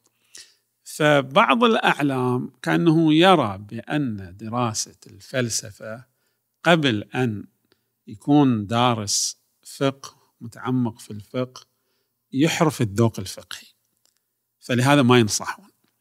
فالمهم اكو اتجاه موجود. يعني من. من السيد اليزدي رحمه الله كما عرفت من بعض يعني معاصريه وربما تلامذته أو تلامذة معاصريه وكان ما يعني يقبل بتدريس الفلسفة في الحوزة. الم- المنقول عن السيد البروجردي رحمه الله أيضا في قم كأنه أيضا حاول أنه لا يدرس يعني بشكل عام دراسة الفلسفة. فربما من جهة انحراف الذوق الفقهي وربما لأنها فيها مشاكل عقائدية يعني التعمق فيها لأن بعض الشبهات تعبير شبهات فلسفية موجودة قد الطالب مو كل واحد يدركها. يعني الطلاب متفاوتون هم طالب العلم مثل سائر الناس فيهم ذكي وفيهم متوسط فيهم أقل. فربما إذا يدرس هذا الفلسفة وتطلع عليه هذه الشبهة الشبهة تبقى والجواب ما يجي. يعني قد الكتاب طرح الشبهة وطرح الجواب الأستاذ طرح الشبهة فاستوعب استوعبها. هالطالب الجواب ما استوعبه. فيتورط هذا الطالب. الحين صارت عندي شبهة ربما هذه الشبهة مزالق يعني تخليه ينحرف أصلا. من الدين أو من كذا. فلهذا بعضهم ما يأيد دراسة الفلسفة من هذا الجانب. ولهذا أيضا بالمناسبة كان أستاذنا السيد محمد رضا التنكاموني رحمه الله علامه الفاضل. ال- أنا حضرت عنده في اللمعة حضرت عنده في الكفاية حضرت عنده قسم في أصول الفقه في النجف أيام النجف. فكان من جملة نصائحه لي في تدريس العقائد يقول لا تطرح الشبهة على الطالب ثم تطرح الجواب. لأنه يمكن الطالب يتلقى الشبهة وبعد ذلك ما يتلقى الجواب ويبقى عنده الشبهه أنت سببت له انحراف سببت له الوقوع في شبهة. فهو يرى من الأفضل أن تطرح المطلب الصحيح. ثم بعد ما تطرحه بأدلته تقول ومن هذا أو من هنا ينقدح بطلان كذا. فأنت الشبهه طرحته حتى لا يتورط بعد لو سمع شبهة. مم. إن طرحت المطلب وطرحت الدليل على المطلب ثم بينت ضعف الشبهة. لكن مو بالعكس يعني مو طرحت الشبهة و... وجدت الشبهة ما طلعت منه لا. إن طرحت المطلب مع أدلته ثم جيت إلى الشبهة. فهو كان ينصح بهذا. المهم فنلاحظ أنه بالنسبة إلى الفلس- الفلسفة يوجد هذا الاتجاه وهذا الاتجاه موجود وإلى الآن موجود الخلاف أنه هل يحتاج طالب؟ ما يحتاج. الطالب. لكن كمراجع كعلماء كفقهاء بشكل عام يقول له ما يحتاج. يعني المقدار مقدار البداية أو مقدار شرح التجريد هو بيحتاج إلى مصطلحات في أصول الفقه يتعرض أحيانا لمصطلحات هذا المقدار يعرفها والأستاذ بيشرحها. ما يحتاج إلى هذا كله يعني التعمقات كلها ولهذا بعضهم مثلا بعض الفلاسفة المعروفين مرة نقل الشيخ الاستاذ حفظه الله آه، قصة ما دام نجيبها هذه أيضا جيدة. كان يتكلم عن الشيخ الصدوق رحمه الله. فمن عظمة الشيخ الصدوق أنه صار سيل في زمان من الأزمنة في الري يعني قريب من قبر الشيخ الصدوق. فانكشف قبر الشيخ الصدوق. من هذا السيل اللي جرى فجرى في الأماكن كذا انكشف قبره. لما انكشف وجدوا الشيخ الصدوق وكان واحد نايم. صحيح الجسم وجسمه كامل. ومنطقة العورة مغطى ب العنكبوت. مم. منطقة العورة مغطاة. أما هو جسمه كامل حتى في أصابع أثر الحناء موجود فكأنه يلتزم بالمستحبات والسنن وكذا. الآن هذه سنة الآن واحد يتحنى ويطلع. هذا تجي للامور الاجتماعية. يخالف المروءة الآن. إيه. حتى وجدوا الظفر ال- هذا الظفر الصغير الآن في اليسار أو اليمين ال- هذا الظفر موجود. الباقي مقصصين. وهذا لها سر. لأنه توفي يوم الخميس. عندنا في بعض الروايات إذا واحد يوم الخميس عندنا أيام يحسن فيها تقليم الأظافر فيبقي واحد إلى يوم الجمعة. مم. يبقي هذا ليوم الجمعة. فالشيخ الصدوق يعني معناه كان ملتزم بهذه السنة. يعني ذاك يوم الخميس توفي فقلم أظافره وأبقى هذا ليوم الجمعة. الله اختاره في يوم الخميس. المهم وجدوا الجسم كامل وصار له قرابة ألف سنة يعني هذا الكلام. من يعني من توفي الشيخ الصدوق يعني في بعد الثلاثمائة. وهذا المهم يعني قرابة ألف سنة. صار بعد اشتهر الأمر واتضح والعلماء جاءوا. فشاهدي هنا الشيخ الأستاذ حفظه الله يقول كان أحد العلماء عنده شبهة فلسفية. لما رأى الشيخ الصدوق ارتفعت عنده هذه الشبهة الفلسفية. فأكو شبهة فلسفية تأثر على المعاد. بمعنى يعني ملخصا نشير لها إشارة هذه على أنه بعض ال- الفلاسفة وقع في اشتباه بحيث أنه كيف كيف يرجع الإنسان بعد ما صار تراب وكذا كيف يعاد؟ يستحيل إعادة المعدوم. عندهم شبهة صارت في. الفلسفة. سموها إعادة المعدوم. ال- هذه الشبهة أحد العلماء كان من الفلاسفة. وفي زمن الشيخ هذه اللي انكشف فيها الشيخ الصدوق. كانت الشبهة موجودة عنده لما رأى قضية الشيخ الصدوق ارتفع هذا إذا أردنا القياس العقلي المحض البرهاني بحسب ما وصل إلينا هذا كيف حدود ألف سنة يبقى تحت التراب؟ ليس لا يكون عليه شيء يعني لم يتأثر ولم يصب بشيء. فترى يعني الله سبحانه وتعالى قادر. مم. هذه أمور ما تدخل أنت عندك قانون فلسفي. أنت أنشأت هذا القانون وعلى ضوء هذا القانون طلعت بهذه النتيجة الغلط. لكن الأمور ال- المرتبطة بالله الله سبحانه وتعالى يعرف يعني وهو القادر على كل شيء. فرجع عن الشبهة. شاهدي من هذه القصة انه بعض العلماء يقول هناك شبهات توجد من دراسة الفلسفة. ربما طالب العلم يقرأ الفلسفة يدرس الفلسفة يقرأ هذه الشبهة بتعبيرنا تلزق الشبهة وما تعرف بعد تطلعها من وتتورط يعني الأستاذ هو يصير السبب. فبعضهم ما يرجح دراسة الفلسفة. فهالمقدار يعني دراسة شرح التجريد كان موجود في النجف وموجود أيضا في قم. هذا ما يرتبط بالفلسفة. هذا في السطوح تقريبا الأساسيات هذا الفقه وهذا الأصول وهذا الفلسفة. عندنا دروس جانبية. يعني ربما ما ما كان يعني متعارفة بحيث كل طالب يدرسها. وأنا ما يعتمد على الطالب يعتمد على توجه الأستاذ توجيه الأستاذ. وهو دراسة الرجال دراسة التفسير مثلا دراسة القواعد الفقهية. هذه ما تعتبر من الدروس الأساسية. مم. يعني ربما تكون مثلا خميس وجمعة ربما تكون أيام التعطيلات ربما بعض الطلاب يعتمد على جهوده الشخصية. ربما يكتفي بما يبينه الأستاذ لأنه الأستاذ في بعض الدروس الفقهية يبين القاعدة الرجالية أو القاعدة الفقهية أو ما يرتبط بهذه الأمور فهذا جوانب جانبية أنا بعبر عنها. هذه كلها الحين كلها كلامه في المرحلة الثانية المرحلة. الأولى مرحلة مقدمات مم. المرحلة الثانية مرحلة السطوح السطوح الأولى والسطوح العليا بين الفقه والتسلسل أو الأصول والتسلسل بعد هذه تجي المرحلة الثالثة قبل المرحلة الأخيرة كم تستغرق السطوح؟ نعم هذه السطوح ربما تاخذ ست سنوات ربما سبع سنوات ربما أكثر ربما أقل على حسب نشاط الطالب و... ونشاط الطالب ونشاط الأستاذ يعني بمعنى أنه الطالب قد ياخذ أكثر من درس في اللمعة قد يقتصر على درس.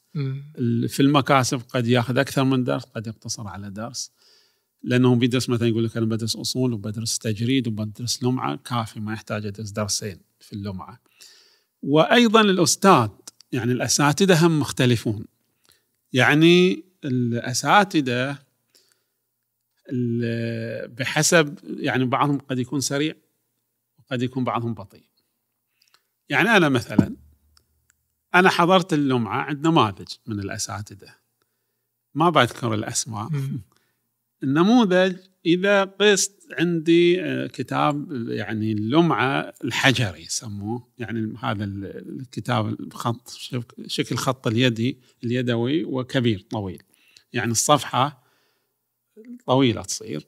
وبالمطبوع يمكن الصفحة هناك تصير 12 صفحة أو 15 صفحة بهذا المحقق. محقق تحقيق السيد الكلنتر رحمه الله. حضرت عنده أستاذ ياخذ نص صفحة في الحجري.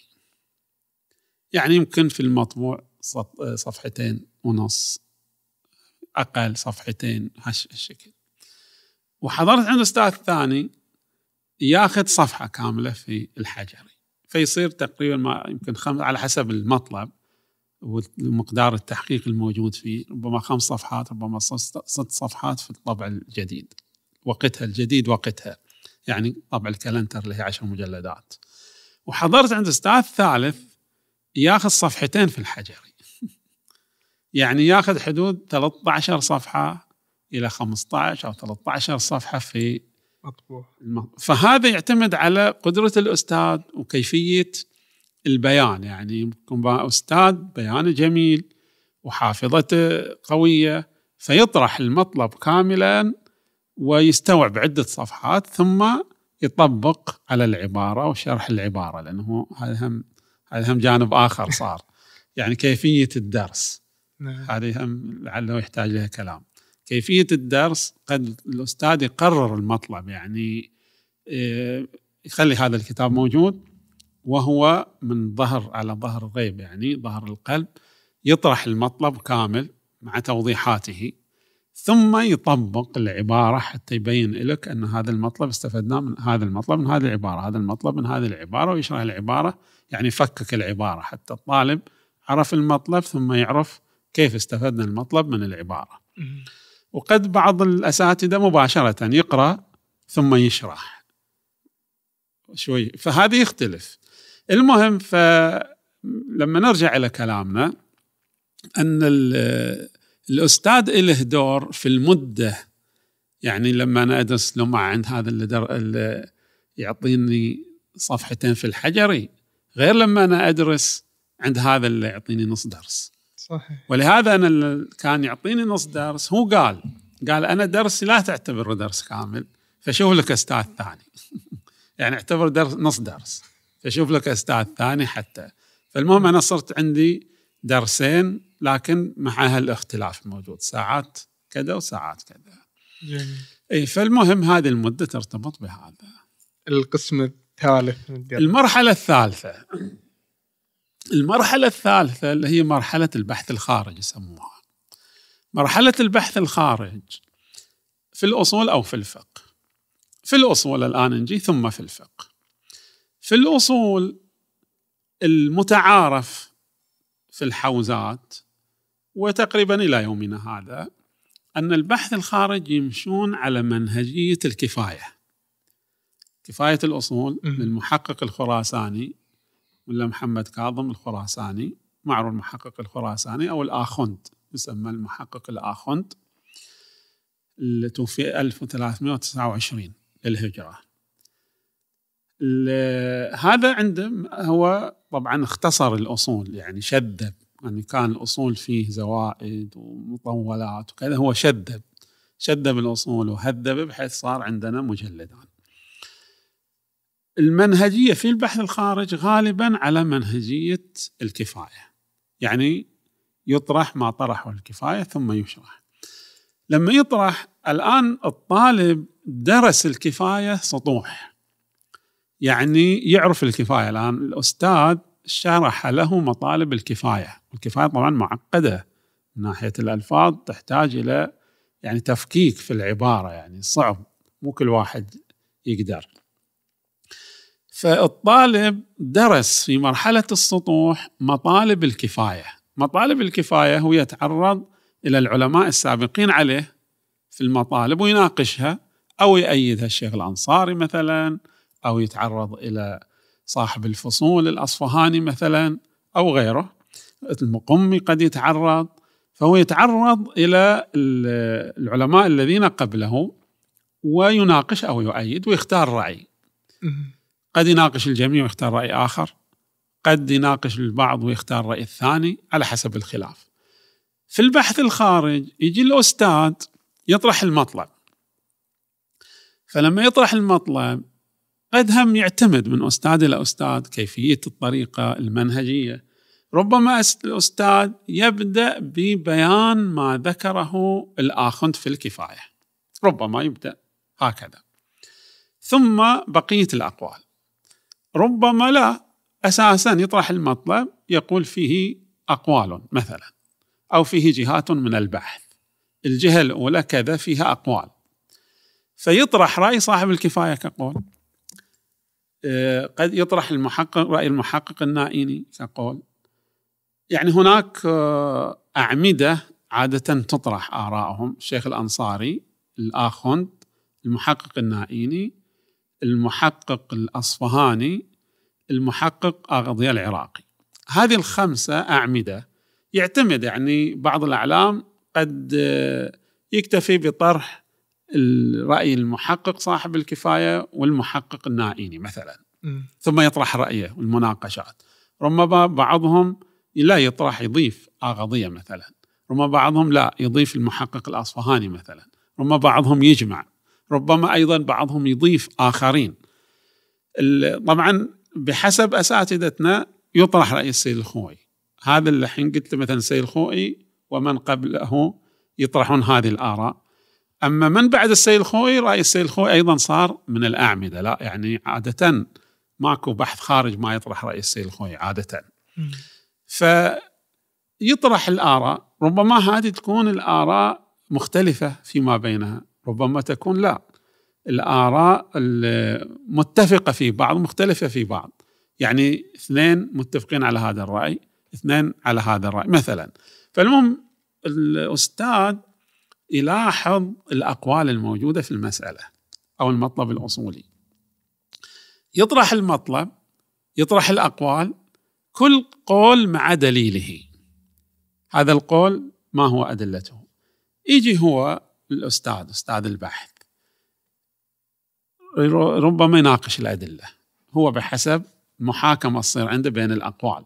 فيجي للقول الأول يطرح الأدلة. إذا هو ما يرتضي القول الأول أو ربما يرتضي القول الأول ما يرتضي الأدلة فيناقش الأدلة. يقول هذا الدليل فيه كذا فيه كذا فيه كذا. الدليل الثاني يناقش الدليل الثالث يناقشه ينتهي. إذا هذا القول باطل في نظره لأن الأدلة المعتمد عليها كلها ضعيفة. يروح إلى القول الثاني. أيضا يرتضي أو ما يرتضي. إذا ما يرتضي بيناقش الأدلة واحد واحد. يروح للقول الثالث وهكذا. إذا ناقش كل الأدلة ربما هو يختار أحد الأقوال لكن عنده دليل آخر هو يختص به. مو الأدلة هذه الأدلة ضعيفة وغير ناهضة ولا تصلح لهذا القول ولكن الصحيح هذا القول ولكن بهذا الدليل. فهو يختار قول من الأقوال ويضع له دليل. ربما لا هو ينشئ قول آخر. يعني هذه ثلاث أقوال مطروحة ضعيفة وهو يطرح قول آخر.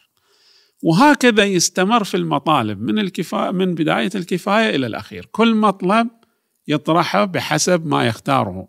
ربما في هذا المطلب نفترض اختار كلام يعني ما يطرحه كلام الآخوند مثلا المحقق ناني سيد الخوي ربما في مطلب ثاني يرى أن قول المحقق الأصفهاني في هذا المقام أقوى من قول المحقق النايني.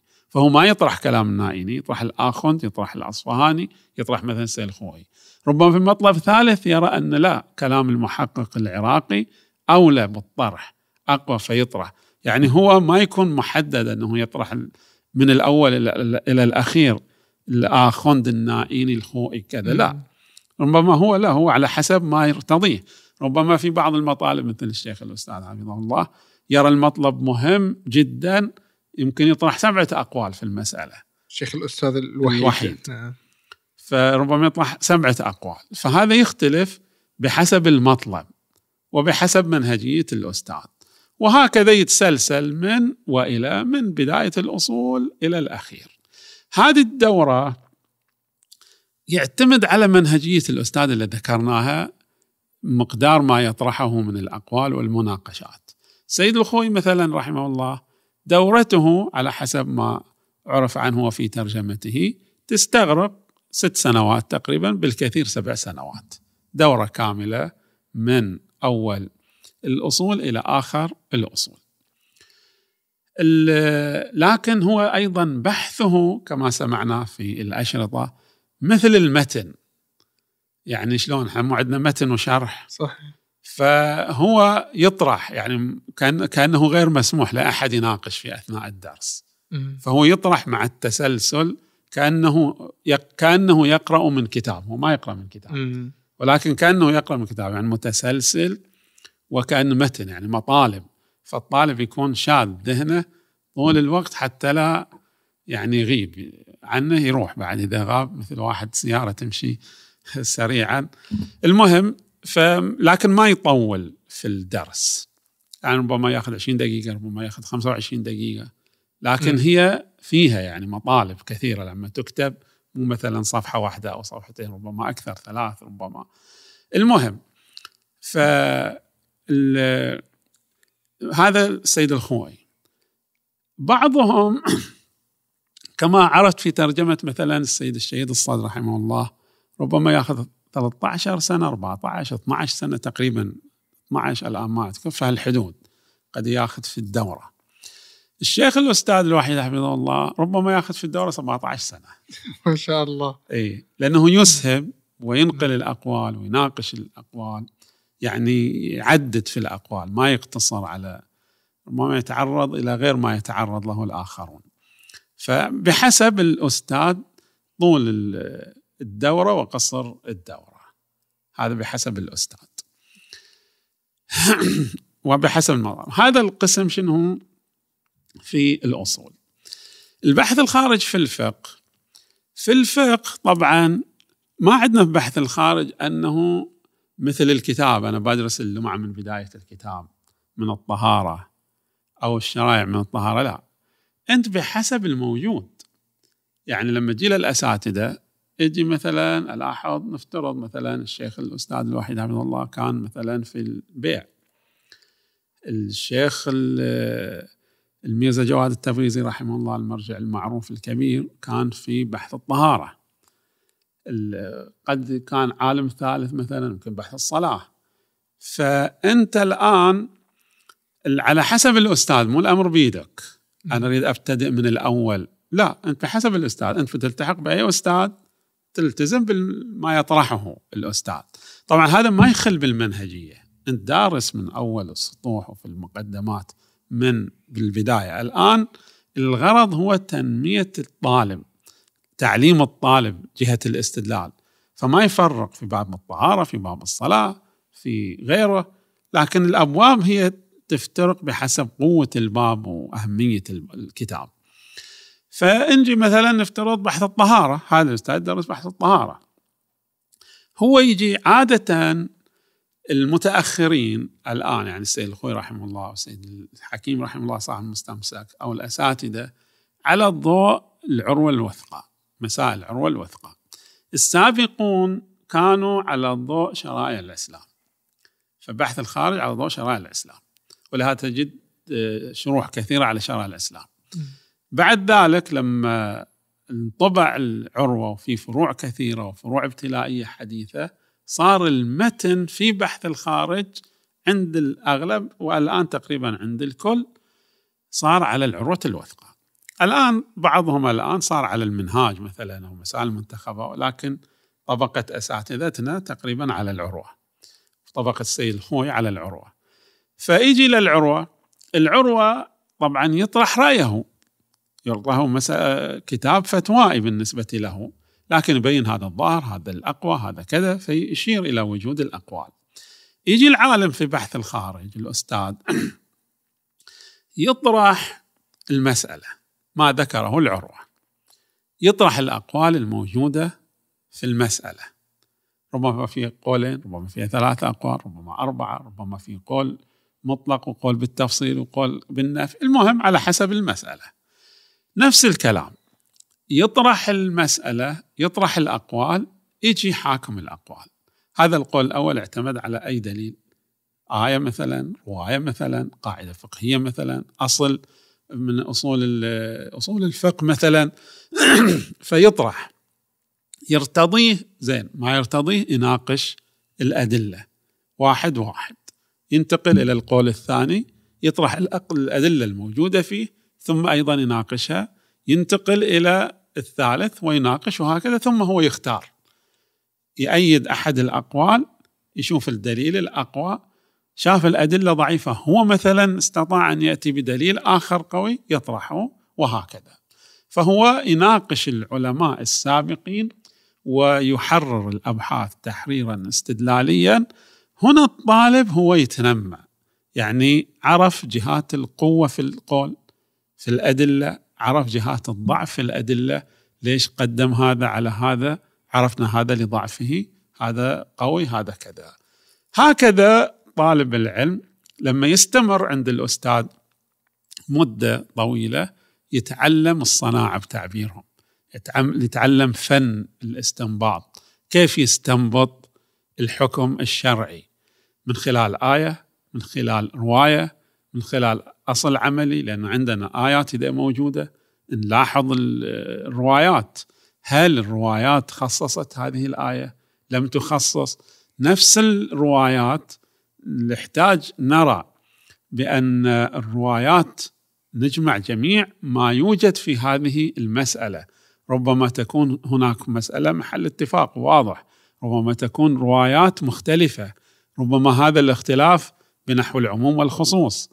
ربما نحو الإطلاق والتقييد ربما بتعبيرهم الحكومة والورود. هذه مصطلحات أصولية يحتاج إلى تطبيقها.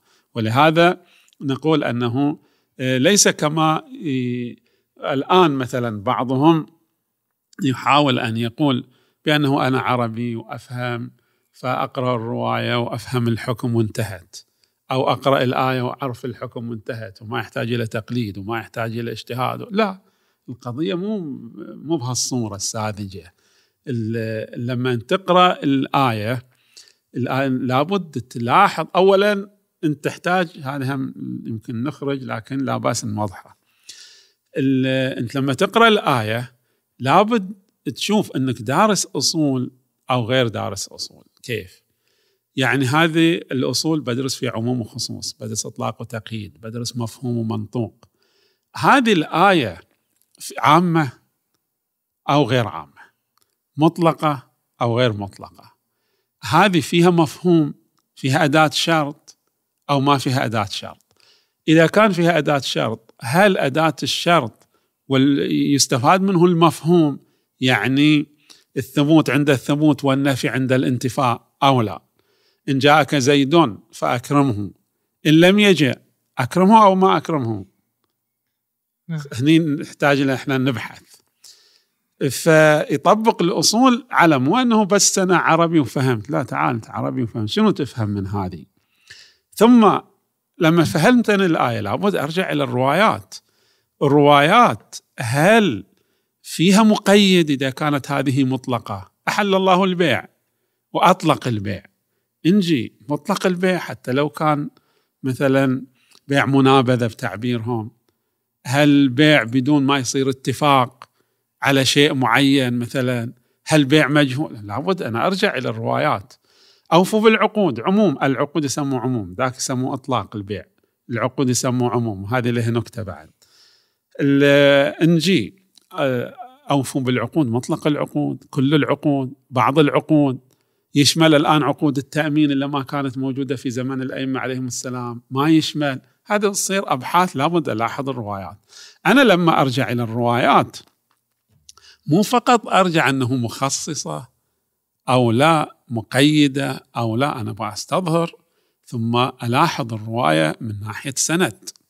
هذه السند الرواية يعني شفت الرواية في الوسائل وانتهى إحنا ما عندنا مثل غيرنا صحيح الكتاب الفلاني كله صحيح. وإنما هذا بحسب اجتهاد المجتهد. الكافي فيه روايات بحسب نظر المجتهد أن هذا هذه الرواية صحيحة. الآخر يقول له هذه غير صحيحة عندي. هذه موثقة هذا غير موثقة. فاذا لابد أدرس سند الروايات. لما أرجع إلى الروايات قبل لا أفهم من الكتاب حتى أقدر أجمع أو ما أجمع أروح إلى سند الرواية. اذا لابد أن أبحث السند يعني لابد أن أبحث الجهة الرجالية. الجهة الرجالية لما أريد أن أبحثها أبحثها أيضا من جهتين من جهة قواعد عامة ومن جهة أفراد. يعني قواعد عامة أساسا خبر الثقة حجة لا غير حجة. هذا بحث في الأصول؟ يمكن واحد يقول لي لا أنا يشترط أن يكون مو فقط ثقة. لابد أن يكون ثقة ولابد أن يكون إمامي حتى أعتمد عليه. أما ثقة غير إمامي ما أعتمد عليه. يجي عالم آخر يقول لا مطلق الثقة حتى لو ما كان إمامي كان زيدي إسماعيلي عمي آخذ ما دام هو ثقة. هذا بحث في القاعدة لابد أن أعرفه. ثم عندي في بعض قواعد ترتبط بنفس الرجال. مثلا ولو نجيب فقط عناوين. أصحاب الإجماع يسمون قسم عندنا في الرجال أصحاب الإجماع. هذا يروي عنه أحد أصحاب الإجماع. هل هذا يكفي أو لا يكفي؟ هو لم ينص على أنه ثقة. ولكن روى عنه شخص من أصحاب الإجماع. هل اعتمد عليه أو لا؟ هذا بحث. أو هذا قاعدة مثلا ما يروي عنه أحد الثلاثة. البيزنطي وصفوان بن يحيى وابن أبي عمير. بعضهم يقول كل من روى عنه أحد المشايخ الثلاثة هو ثقة. حتى لو لم يصرح في علم الرجال بأن فلان ثقة فقط يكفي روى عنه فلان انتهى. بعضهم يقول لا هذه لابد أبحثها. من ناحية القاعدة. ثم لما أبحث من ناحية القاعدة الآن أجي إلى الأفراد. هذا الفرد نص على وثاقته أو ما نص. أحيانا سهل. النجاشي نص على وثاقة الشيخ الطوسي نص على وثاقة الأمر. واضح فيه. زرارة ثقة مسلم محمد بن مسلم ثقة. ما حد ما في كلام. أبي عمر ثقة. ما في كلام. لكن قد يجي لنا رجل فيه خلاف. الشيخ الطوسي قال عنه ثقة مثلا النجاشي قال حديثه ضعيف مثلا. شنو ترجح؟ يحتاج لك بحث وتجمع قرائن وشواهد حتى تقدر تطلع بنتيجة أو ما تقدر تطلع بنتيجة. ربما شخص ما تعرض له الشيخ الطوسي ولا تعرض له الشيخ النجاشي. هذا مجهول الآن أو يمكن بحث في القرائن حتى أعرف أنه هذا يمكن يعتمد على روايته أو لا. المهم شاهدي أقول لهذا الذي يقول يمكنني أن أرجع إلى الرواية وأنا عربي وأستفيد نقول له ابحث في الرجال في الجهة الأولى القواعد الجهة الثانية في الأفراد. إذا وثقت جهة السند تعال إلى المتن. أنت أيها العربي تقول أنت عربي افهم ما لا تفهم من المتن. لاحظ هل هناك رواية أخرى تخالف أو لا تخالف. لازم أبحث. يعني في الباب الواحد مو ما عندي إلا رواية واحدة سندها كلهم ثقات ودلالتها واضحة. هذا ربما في بعض المسائل لكن ربما مسائل عندي في هذا الباب أكثر من رواية ربما فيها اختلاف. هذا الاختلاف لابد أن ألاحظ. اختلاف قلنا عموم وخصوص خصوص إطلاق وتقييد هذا هم سهل. أحيانا تباين. بين هذه الرواية وهذه الرواية. تباين أيضا ترى تباين كلي ترى تباين جزئي بين الروايات يعني بينهم عموم وخصوص من وجه يسموه تباين جزئي. يعني في جهة هذه تقول مثلا إثبات وهذه تقول نفي. في جهة هذه تقول إثبات وهذه ما تتعرض له. هذه الجهة هذه الرواية تتعرض له وهذه ما تتعرض له. فيصير بينهم يسموه عموم وخصوص من وجه. هذه لابد أن أبحثها. لما تنتهي من كل هذا تقدر تستنبط. فالفقيه مو أنه بس أنه أنا عربي وأفهم وانتهى هذا بين قوسين طويلين. جميل. الحين شنو إحنا رجعنا إيه الآن من المقدمات إلى السطوح إلى بحث الخارج. نعم. متى يعود طالب العلوم الدينية إلى دياره؟ طالب العلوم الدينية يعتمد على هدفه. هو شنو يريد يصير؟ تارة هدفه أنه يصير خطيب ومبلغ. هذا ربما وهو في السطوح يرجع. ربما بالكثير بداية البحث الخارج ويرجع. أن هدفه يصير مبلغ و... ويعني سواء مبلغ خطيب أو مبلغ غير خطيب يعني عنده مسجد وإمام جماعة و... ويلقي بحث و الأمور الاجتماعية يقوم بها من عقود مثلا من طلاق مثلا ان كان له ذلك طبعا. أو مثلا إصلاح ذات البين أو إرشاد الناس في الحج وهذا هو هذا المقدار اللي يريده. هذا ربما يكون في السطوح كافي ربما يكون بداية بحث الخارج. ربما واحد طموحه لا يصير أستاذ في الحوزة. أستاذ سطوح مثلا. أستاذ مقدمات وهو في السطوح بدرس مقدمات. لكن هو يريد يصير أستاذ سطوح بعد. عنده فضيلة علمية يصير. هذا يحتاج أيضا يحضر له عده سنوات بحث الخارج. حتى يكون أستاذ سطوح متمكن. ربما هو خلص السطوح بداية شوية في البحث الخارجي يقدر يدرس لكن فيها صعوبات أو يمكن بعد استغفر الله يصير فيها ظلم للطالب. إذا واحد تو مخلص السطوح بيدرس السطوح خصوصا السطوح العليا. فيحتاج كم سنة يدرس في البحث الخارج حتى يقدر يدرس السطوح بشكل قوي. ربما واحد عنده طموح أكثر. طموح إلى الاجتهاد وأن يكون أستاذ في الحوزة العلمية.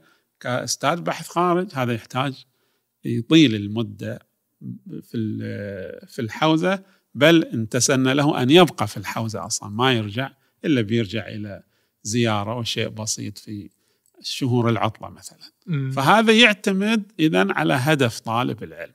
ما هو هدفه؟ فهو يحدد متى يرجع. جيد. طيب ما هو الفرق بين أن يدرس الطالب في نجف مثلا أو يدرس في بلده مثلا في, في القطيف؟ اليوم آه، أعتقد عدد طلبة أكثر من السابق وتوفر الأساتذة في كلا المنطقتين. هو الآن متوفر الأساتذة طبعا بالنسبة للمقدمات بالنسبة للسطوح بالنسبة لبداية بحث الخارج متوفر هنا وهناك. لكن الفارق عندنا طبعا ربما يعني فرقين خلينا نعبر ربما بحسب العادة في الحوزة الأم يصير وجود الأساتذة الأقوياء فيها أكثر من الحوزات ال- المتفرعة مم. يعني عادة الأساتذة المراجع يعني المراجع طبقة المراجع وطبقة من هم أقل من المراجع هذا يكونون في الحوزة الأم سواء كان في النجف أو كان في قم. ما يكونون موجودين في الأطراف. فهو الطالب بيفقد هذا المستوى. إذا كانوا طبقة المراجع لا زالوا يدرسون يعني مثل ما كنا إحنا موجودين في ذيك الأيام في قم طبقة المراجع هم اللي يدرسون. مثلا السيد محمد الروحاني رحمه الله أو الشيخ الوحيد حفظه الله أو الشيخ ميزه جواد تبريزي رحمه الله. هذه الطبقة هم اللي يدرسون. هذه يفتقدها الطالب اللي يكون في بلده. هذا جانب. الجانب الثاني يفتقد التفرغ. طبيعة البلد تشغل. يعني هو في البلد قاعد لكن ما بيترك. إما إنه بيستلم مسجد وبيصلي بيضطر لما بيصلي لازم بيلقي البحث في الصلاة وبيحضر إلى مقدار البحث وما يرتبط بالبحث. الأمور قد تكون أخرى غير جانب الدراسة قد أنه يطلب إلى إصلاح ذات البين بيروح يسعى معهم. آه هذا مثلا مريض ومن أهل بلده ومعارفه وأقاربه لازم بيروح يزوره. هذا جاي من سفر. إذا ما راح زار يقول هذا فلان متكبر والناس يعني تنكمش عنه وما يؤدي دوره المطلوب فلا بد بيروح يزور هذا مريض وهذا جاي من سفر وهذا كذا. فالبلد نوعا ما بتشغله. مم. أما إذا كان هو في الحوزة الأم ما بينشغل. يعني ما عنده هذه الأمور. قد تكون عنده أمور أخرى لكن بتصير أقل. مو مثل ما إذا كان في البلد. فهذا يصير فارق. جيد. يعني مثل المبتعث العادي في الأمور الأكاديمية إنه. إذا كان في الخارج متفرغ للدراسة بشكل بشكل عام نعم. كبير. وإن كان هو فرق بين الأكاديمي وغيره ربما الأكاديمي الآن إذا كان في الجامعة وما حضر المناسبة الفلانية يقول إيه في الجامعة يسكتون الناس إيه. بس طالع ما يقول, إنه عنده درس أو كذا ربما ما يتقبلوها صحيح إيه. آه قبل أن نختم آه كلمة لمن يود أن يبدأ في دراسة العلوم الدينية أو من لديه الرغبة في تثقف فقط. هو مثلا في عمله في كذا ويريد أن يصبح مثقفا في هذا الجانب. نعم. بالنسبة إلى الأول يعني من يرغب في الدراسة وهو جديد؟ يكون أول ما يضع نصب عينه أن يدرس قربة إلى الله. ليش؟ لأنه دراسة الحوزوية هذا نحو من العبادة. أنا أريد أدرس لمعرفة الأحكام الشرعية فقه أهل البيت روايات أهل البيت القرآن حتى في المستقبل أكون عالم حتى أستطيع أن أبلغ. فينوي أولا القربة الإخلاص في العمل. كما يقال بأنه إذا كان القلب نظيف ومخلص هناك تنفتح له الأبواب. يعني تشبيه أو تنظير ما دمنا في صفر. الآن إذا المأتم يوزعون رز الآن موكب أو مضيف يوزع رز. وجاء واحد وعنده آنية عنده قدر بتعبيرنا لكن وسخ. وشافه هذا اللي يوزع الرز. يعطيه. نبه يقول روح نظفه تعال. هو مو بخل فيه صاحب المضيف. أنا فاتح المضيف وبعطي مو أنه بخل. بس هذا الاناء كثيف. ما أعطيك إياه. روح نظفه تعال. إذا واحد إناء نظيف مباشرة يعطيه. طالب العلم ينبغي هالشكل. إذا كان قلبه نظيف وغير ملوث وقصد القربة تنفتح له الأبواب. أما إذا كان لا قلبه غير نظيف ولم يخلص النية هنا الحجاب على القلب ما تنفتح للأبواب حتى لو عرف مصطلحات حتى لو ختم مصطلحات. وهذا ربما والله العالم نطبق على بعض الذين انحرفوا. يعني هذا اللي انحرف هو بعد ما صار له صيت وجاه يعني ليش؟ اعتباطا تحصل المنشأ هذا. المنشأ أنه ما كان الهدف الأساس هو النية الخالصة لله ف ما دام واحد حجب في قلبه الأهواء تأخذه يمينا ويسارا. فلهذا تحصل هو كبير السن كبير في العلم كبير كذا لكن انحرف وانجرف. وهذا موجود في خط التاريخ يعني. يعني من العصور الأولية مثلا الشلمغاني الشلمغاني عالم. الشلمغاني كان كما في ترجمته روى أكثر أحاديث أصحابنا. الشيخ الطوسي اللي في ذهني يعبر عنه روى أكثر أحاديث أصحابنا. عنده كتاب التكليف بمثابة المسائل المنتخبة يعني رسالة عملية. بحيث أنه هذا الشلمغاني ابن أبي العزاقر اسمه يسموه الشلمغاني هو كان يعتقد هو يصير السفير.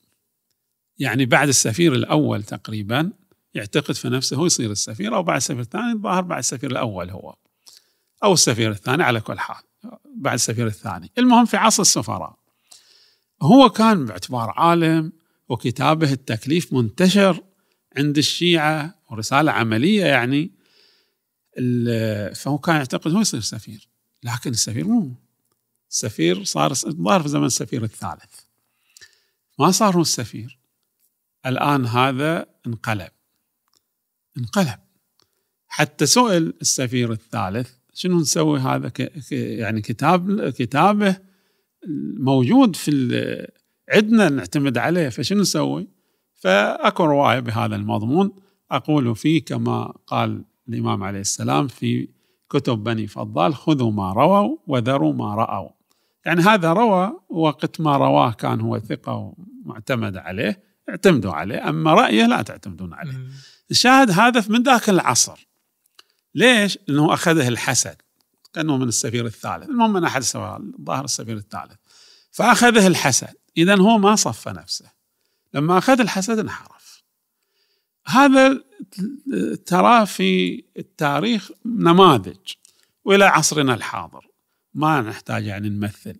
فأقول أنا لعل هذا منشأ من مناشئ هذا الانحراف بعد ما كبر وشاخ وصار يشار إليه بالبنان صار يشار إليه بالعصا. هذا لأنه ما كان مخلص النية. لو كان مخلص النية ويسأل الله سبحانه وتعالى التوفيق في أموره وأن يباعده عن مغريات الدنيا ما يصل النتيجة الله سبحانه وتعالى إذا يعني بتنزل لك رجل الرجل الثانية تثبت لكن بما أنه مو مخلص النية والعياذ بالله نسأل الله سبحانه وتعالى العفو والعافية. فأقول هذه نقطة مهمة وهي أن يخلص النية قربة إلى الله في الدراسة. ثم بعد هذا طبعا هنا أيضا قصة لا بأس بالإشارة إليها. منقول ولعل الذي ينقله الآن لفي ذهني الشيخ محمد جواد مغني رحمه الله في كتاب مع علماء النجف الأشرف. لعله هو الذي ينقل القصة يمكن يعني مطالعاتي القديمة. ينقل هو عنده كتاب مع علماء النجف الأشرف ويذكر تراجم وانطباعات عن مجموعة من العلماء. من جملتها نقل عن أحد العلماء. عن أحد العلماء مضمون كلماته يقول أنه أنا حجة الله على كل طالب يعني يكون كسلان. فقيل له لماذا؟ قال لأنه إن ادعى الكسل لأنه درس وهو كبير السن. فيقول أنا درست بعد أن جاوزت الثلاثين. كان أبوه فلاح وفقير وهذا كبر ما يؤدي معيشته فكأنه أبوه قال روح شوف لك شغل بعد. فهو طلع تمشى شاف مدرسة علمية كان صار في ذهن انقدح في ذهنه أن يكون يدرس. فبدأ الدراسة بعد الثلاثين من عمره يعني كأنه ما تعلمت حروف الهجاء إلا بعد الثلاثين. مضمون العبارة. فإن ادعى أنه هذا كبير السن يقول أنا درست كبير ما أصير عالم بعد. ادعى الكسل من هالجهة يقول أنا درست كبير. إن ادعى الكسل لأنه مو ذكي يقول أنا من عادي الناس أو أواسط الناس ما عندي ذاك الذكاء. وإن ادعى الكسل لأنه فقير فيقول أنا لهذا السبب كان أبوي فقير وأنا فقير فلما رحت المدرسة العلمية هذه المدرسة العلمية قبلوه. ولكن درجات. كل واحد يعطى راتب بحسب مستواه. فهو هذا بهالسن وتو مقدمة جاي فيعطوه بالمقدار الميسور. هذا المقدار ما يكفي. فيقول أنا أحيانا أحتاج إلى المطالعة في الليل. ما عندي قيمة الزيت للسراج. فشنو أسوي؟ يقول آخذ كتبي. وأروح أجلكم الله مرافق المدرسة حمامات. هناك مضاءة فيها سراج من المدرسة المدرسة حاطة حتى لو واحد احتاج الليل إلا مكان الحمامات فيه ضوء فيقول أنا أخذ كتابي أو كتبي أروح الحمامات كأني أقضي حاجة وأقعد أطالع على السراج. إلى أن أنتهي أرجع. ما عندي فلوس آخذ الزيت. فيقول طالب العلم إن ادعى الكسل لأنه فقير فيقول أنا بهذا الفقر الموجود. لكن فيما بعد صار العالم الفلاني الكبير. السبب شنو يقول هو الإخلاص. يخلص. إذا أخلص طالب العلم قربة الله وأخلص في طلب العلم تنفتح له الأبواب. هذا الجانب المهم الأول. ثم الجانب الثاني لما يدرس لابد يحط في نظره أنه أنا أريد أصير عالم. خلي هدفه رفيع. ما يخلي هدفه أنه أنا أصير مبلغ ويدرس مقدمات ويرجع. يصير هدفه أنه أصير خطيب بس يعدل لسانه يصحح لسانه بدراسة النحو يحفظ له مثلا مسائل منتخبة ويرجع. لا خلي خلي عنده هدف كبير هدف عالم. يصير عالم كبير ويجد لهذا الهدف يشتغل حتى يبذل نشاط وقوة بمستوى هذا الهدف. هذا المفروض. بعد في الأثناء توفق صارت عوارض لأن أحيانا سبحان الله تصير عوارض ما يقدر هو مجد ونشيط وكذا لكن تصير عوارض ما يقدر يواصل أو ما يقدر يواصل في الحوزة بيواصل في بلد. هذا أمور مو بيده بيد الله. جيد. هذا ما يرتبط به اللي يريد يصير طالب علم متفرغ. غير طالب العلم اللي يريد يدرس نعم هذا شيء جيد.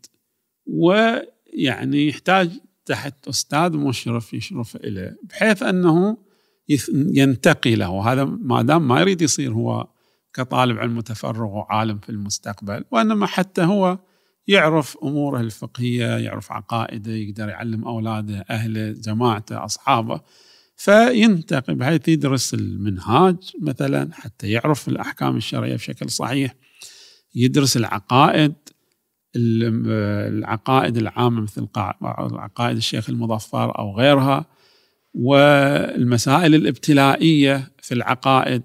يعني إحنا مثلا محل ابتلاء قد مسائل اللي ترتبط بتوحيد العبادة باعتبار ما يقتضي فيها التوسل والاستغاثة والشفاعة وطلب الشفاعة وهالأمور يحتاج يركز في هذا الجانب. آه الآن مثلا محل ابتلاء ما يرتبط بشبهات العلمانيين شبهات شبهات الملحدين فيحتاج أيضا يشوف أستاذ حتى هو ينتقي له ويدرسه فيها في يعني يركز على الفقه على العقائد يحتاج إلى نوع من المنطق حتى يقدر يفهم بعض العبارات وبعض المناقشات. يعني تنصح بالكتب الأولى من المنطق مثلا الخلاصة خلاصه مثلا أوكي. منطق الشيخ المظفر مثلا. جميل. شيخنا العزيز يعطيك العافية. اسمح لنا أطلنا عليك الأسئلة كثيرة اليوم. خدمتكم يعني. يعطيكم ولا زالت هناك ثغرات امور كثيرة له هذا يفتح لنا وعندنا مزيد يعني. هذا يفتح لنا مجالنا نطلب حلقة أخرى معاكم. إذا الله وفق خدمتكم. الله يعطيك الله يسلمكم ويعافيكم. ونشكركم أيضا نشكر سعيكم اللي اولا تزاحمتم وتجشمتم العناء من الأحساء إلى القطيف من جهة. وهذا الشغل والإنتاج ونشره إلى الناس هذا هم يحتاج إلى مجهود. فجزاكم الله خير وشكر الله سعيكم وأخذ الله بأيديكم لما فيه الخير والصلاح. فضل دعاكم إن شاء الله. الله يحفظكم إن شاء الله.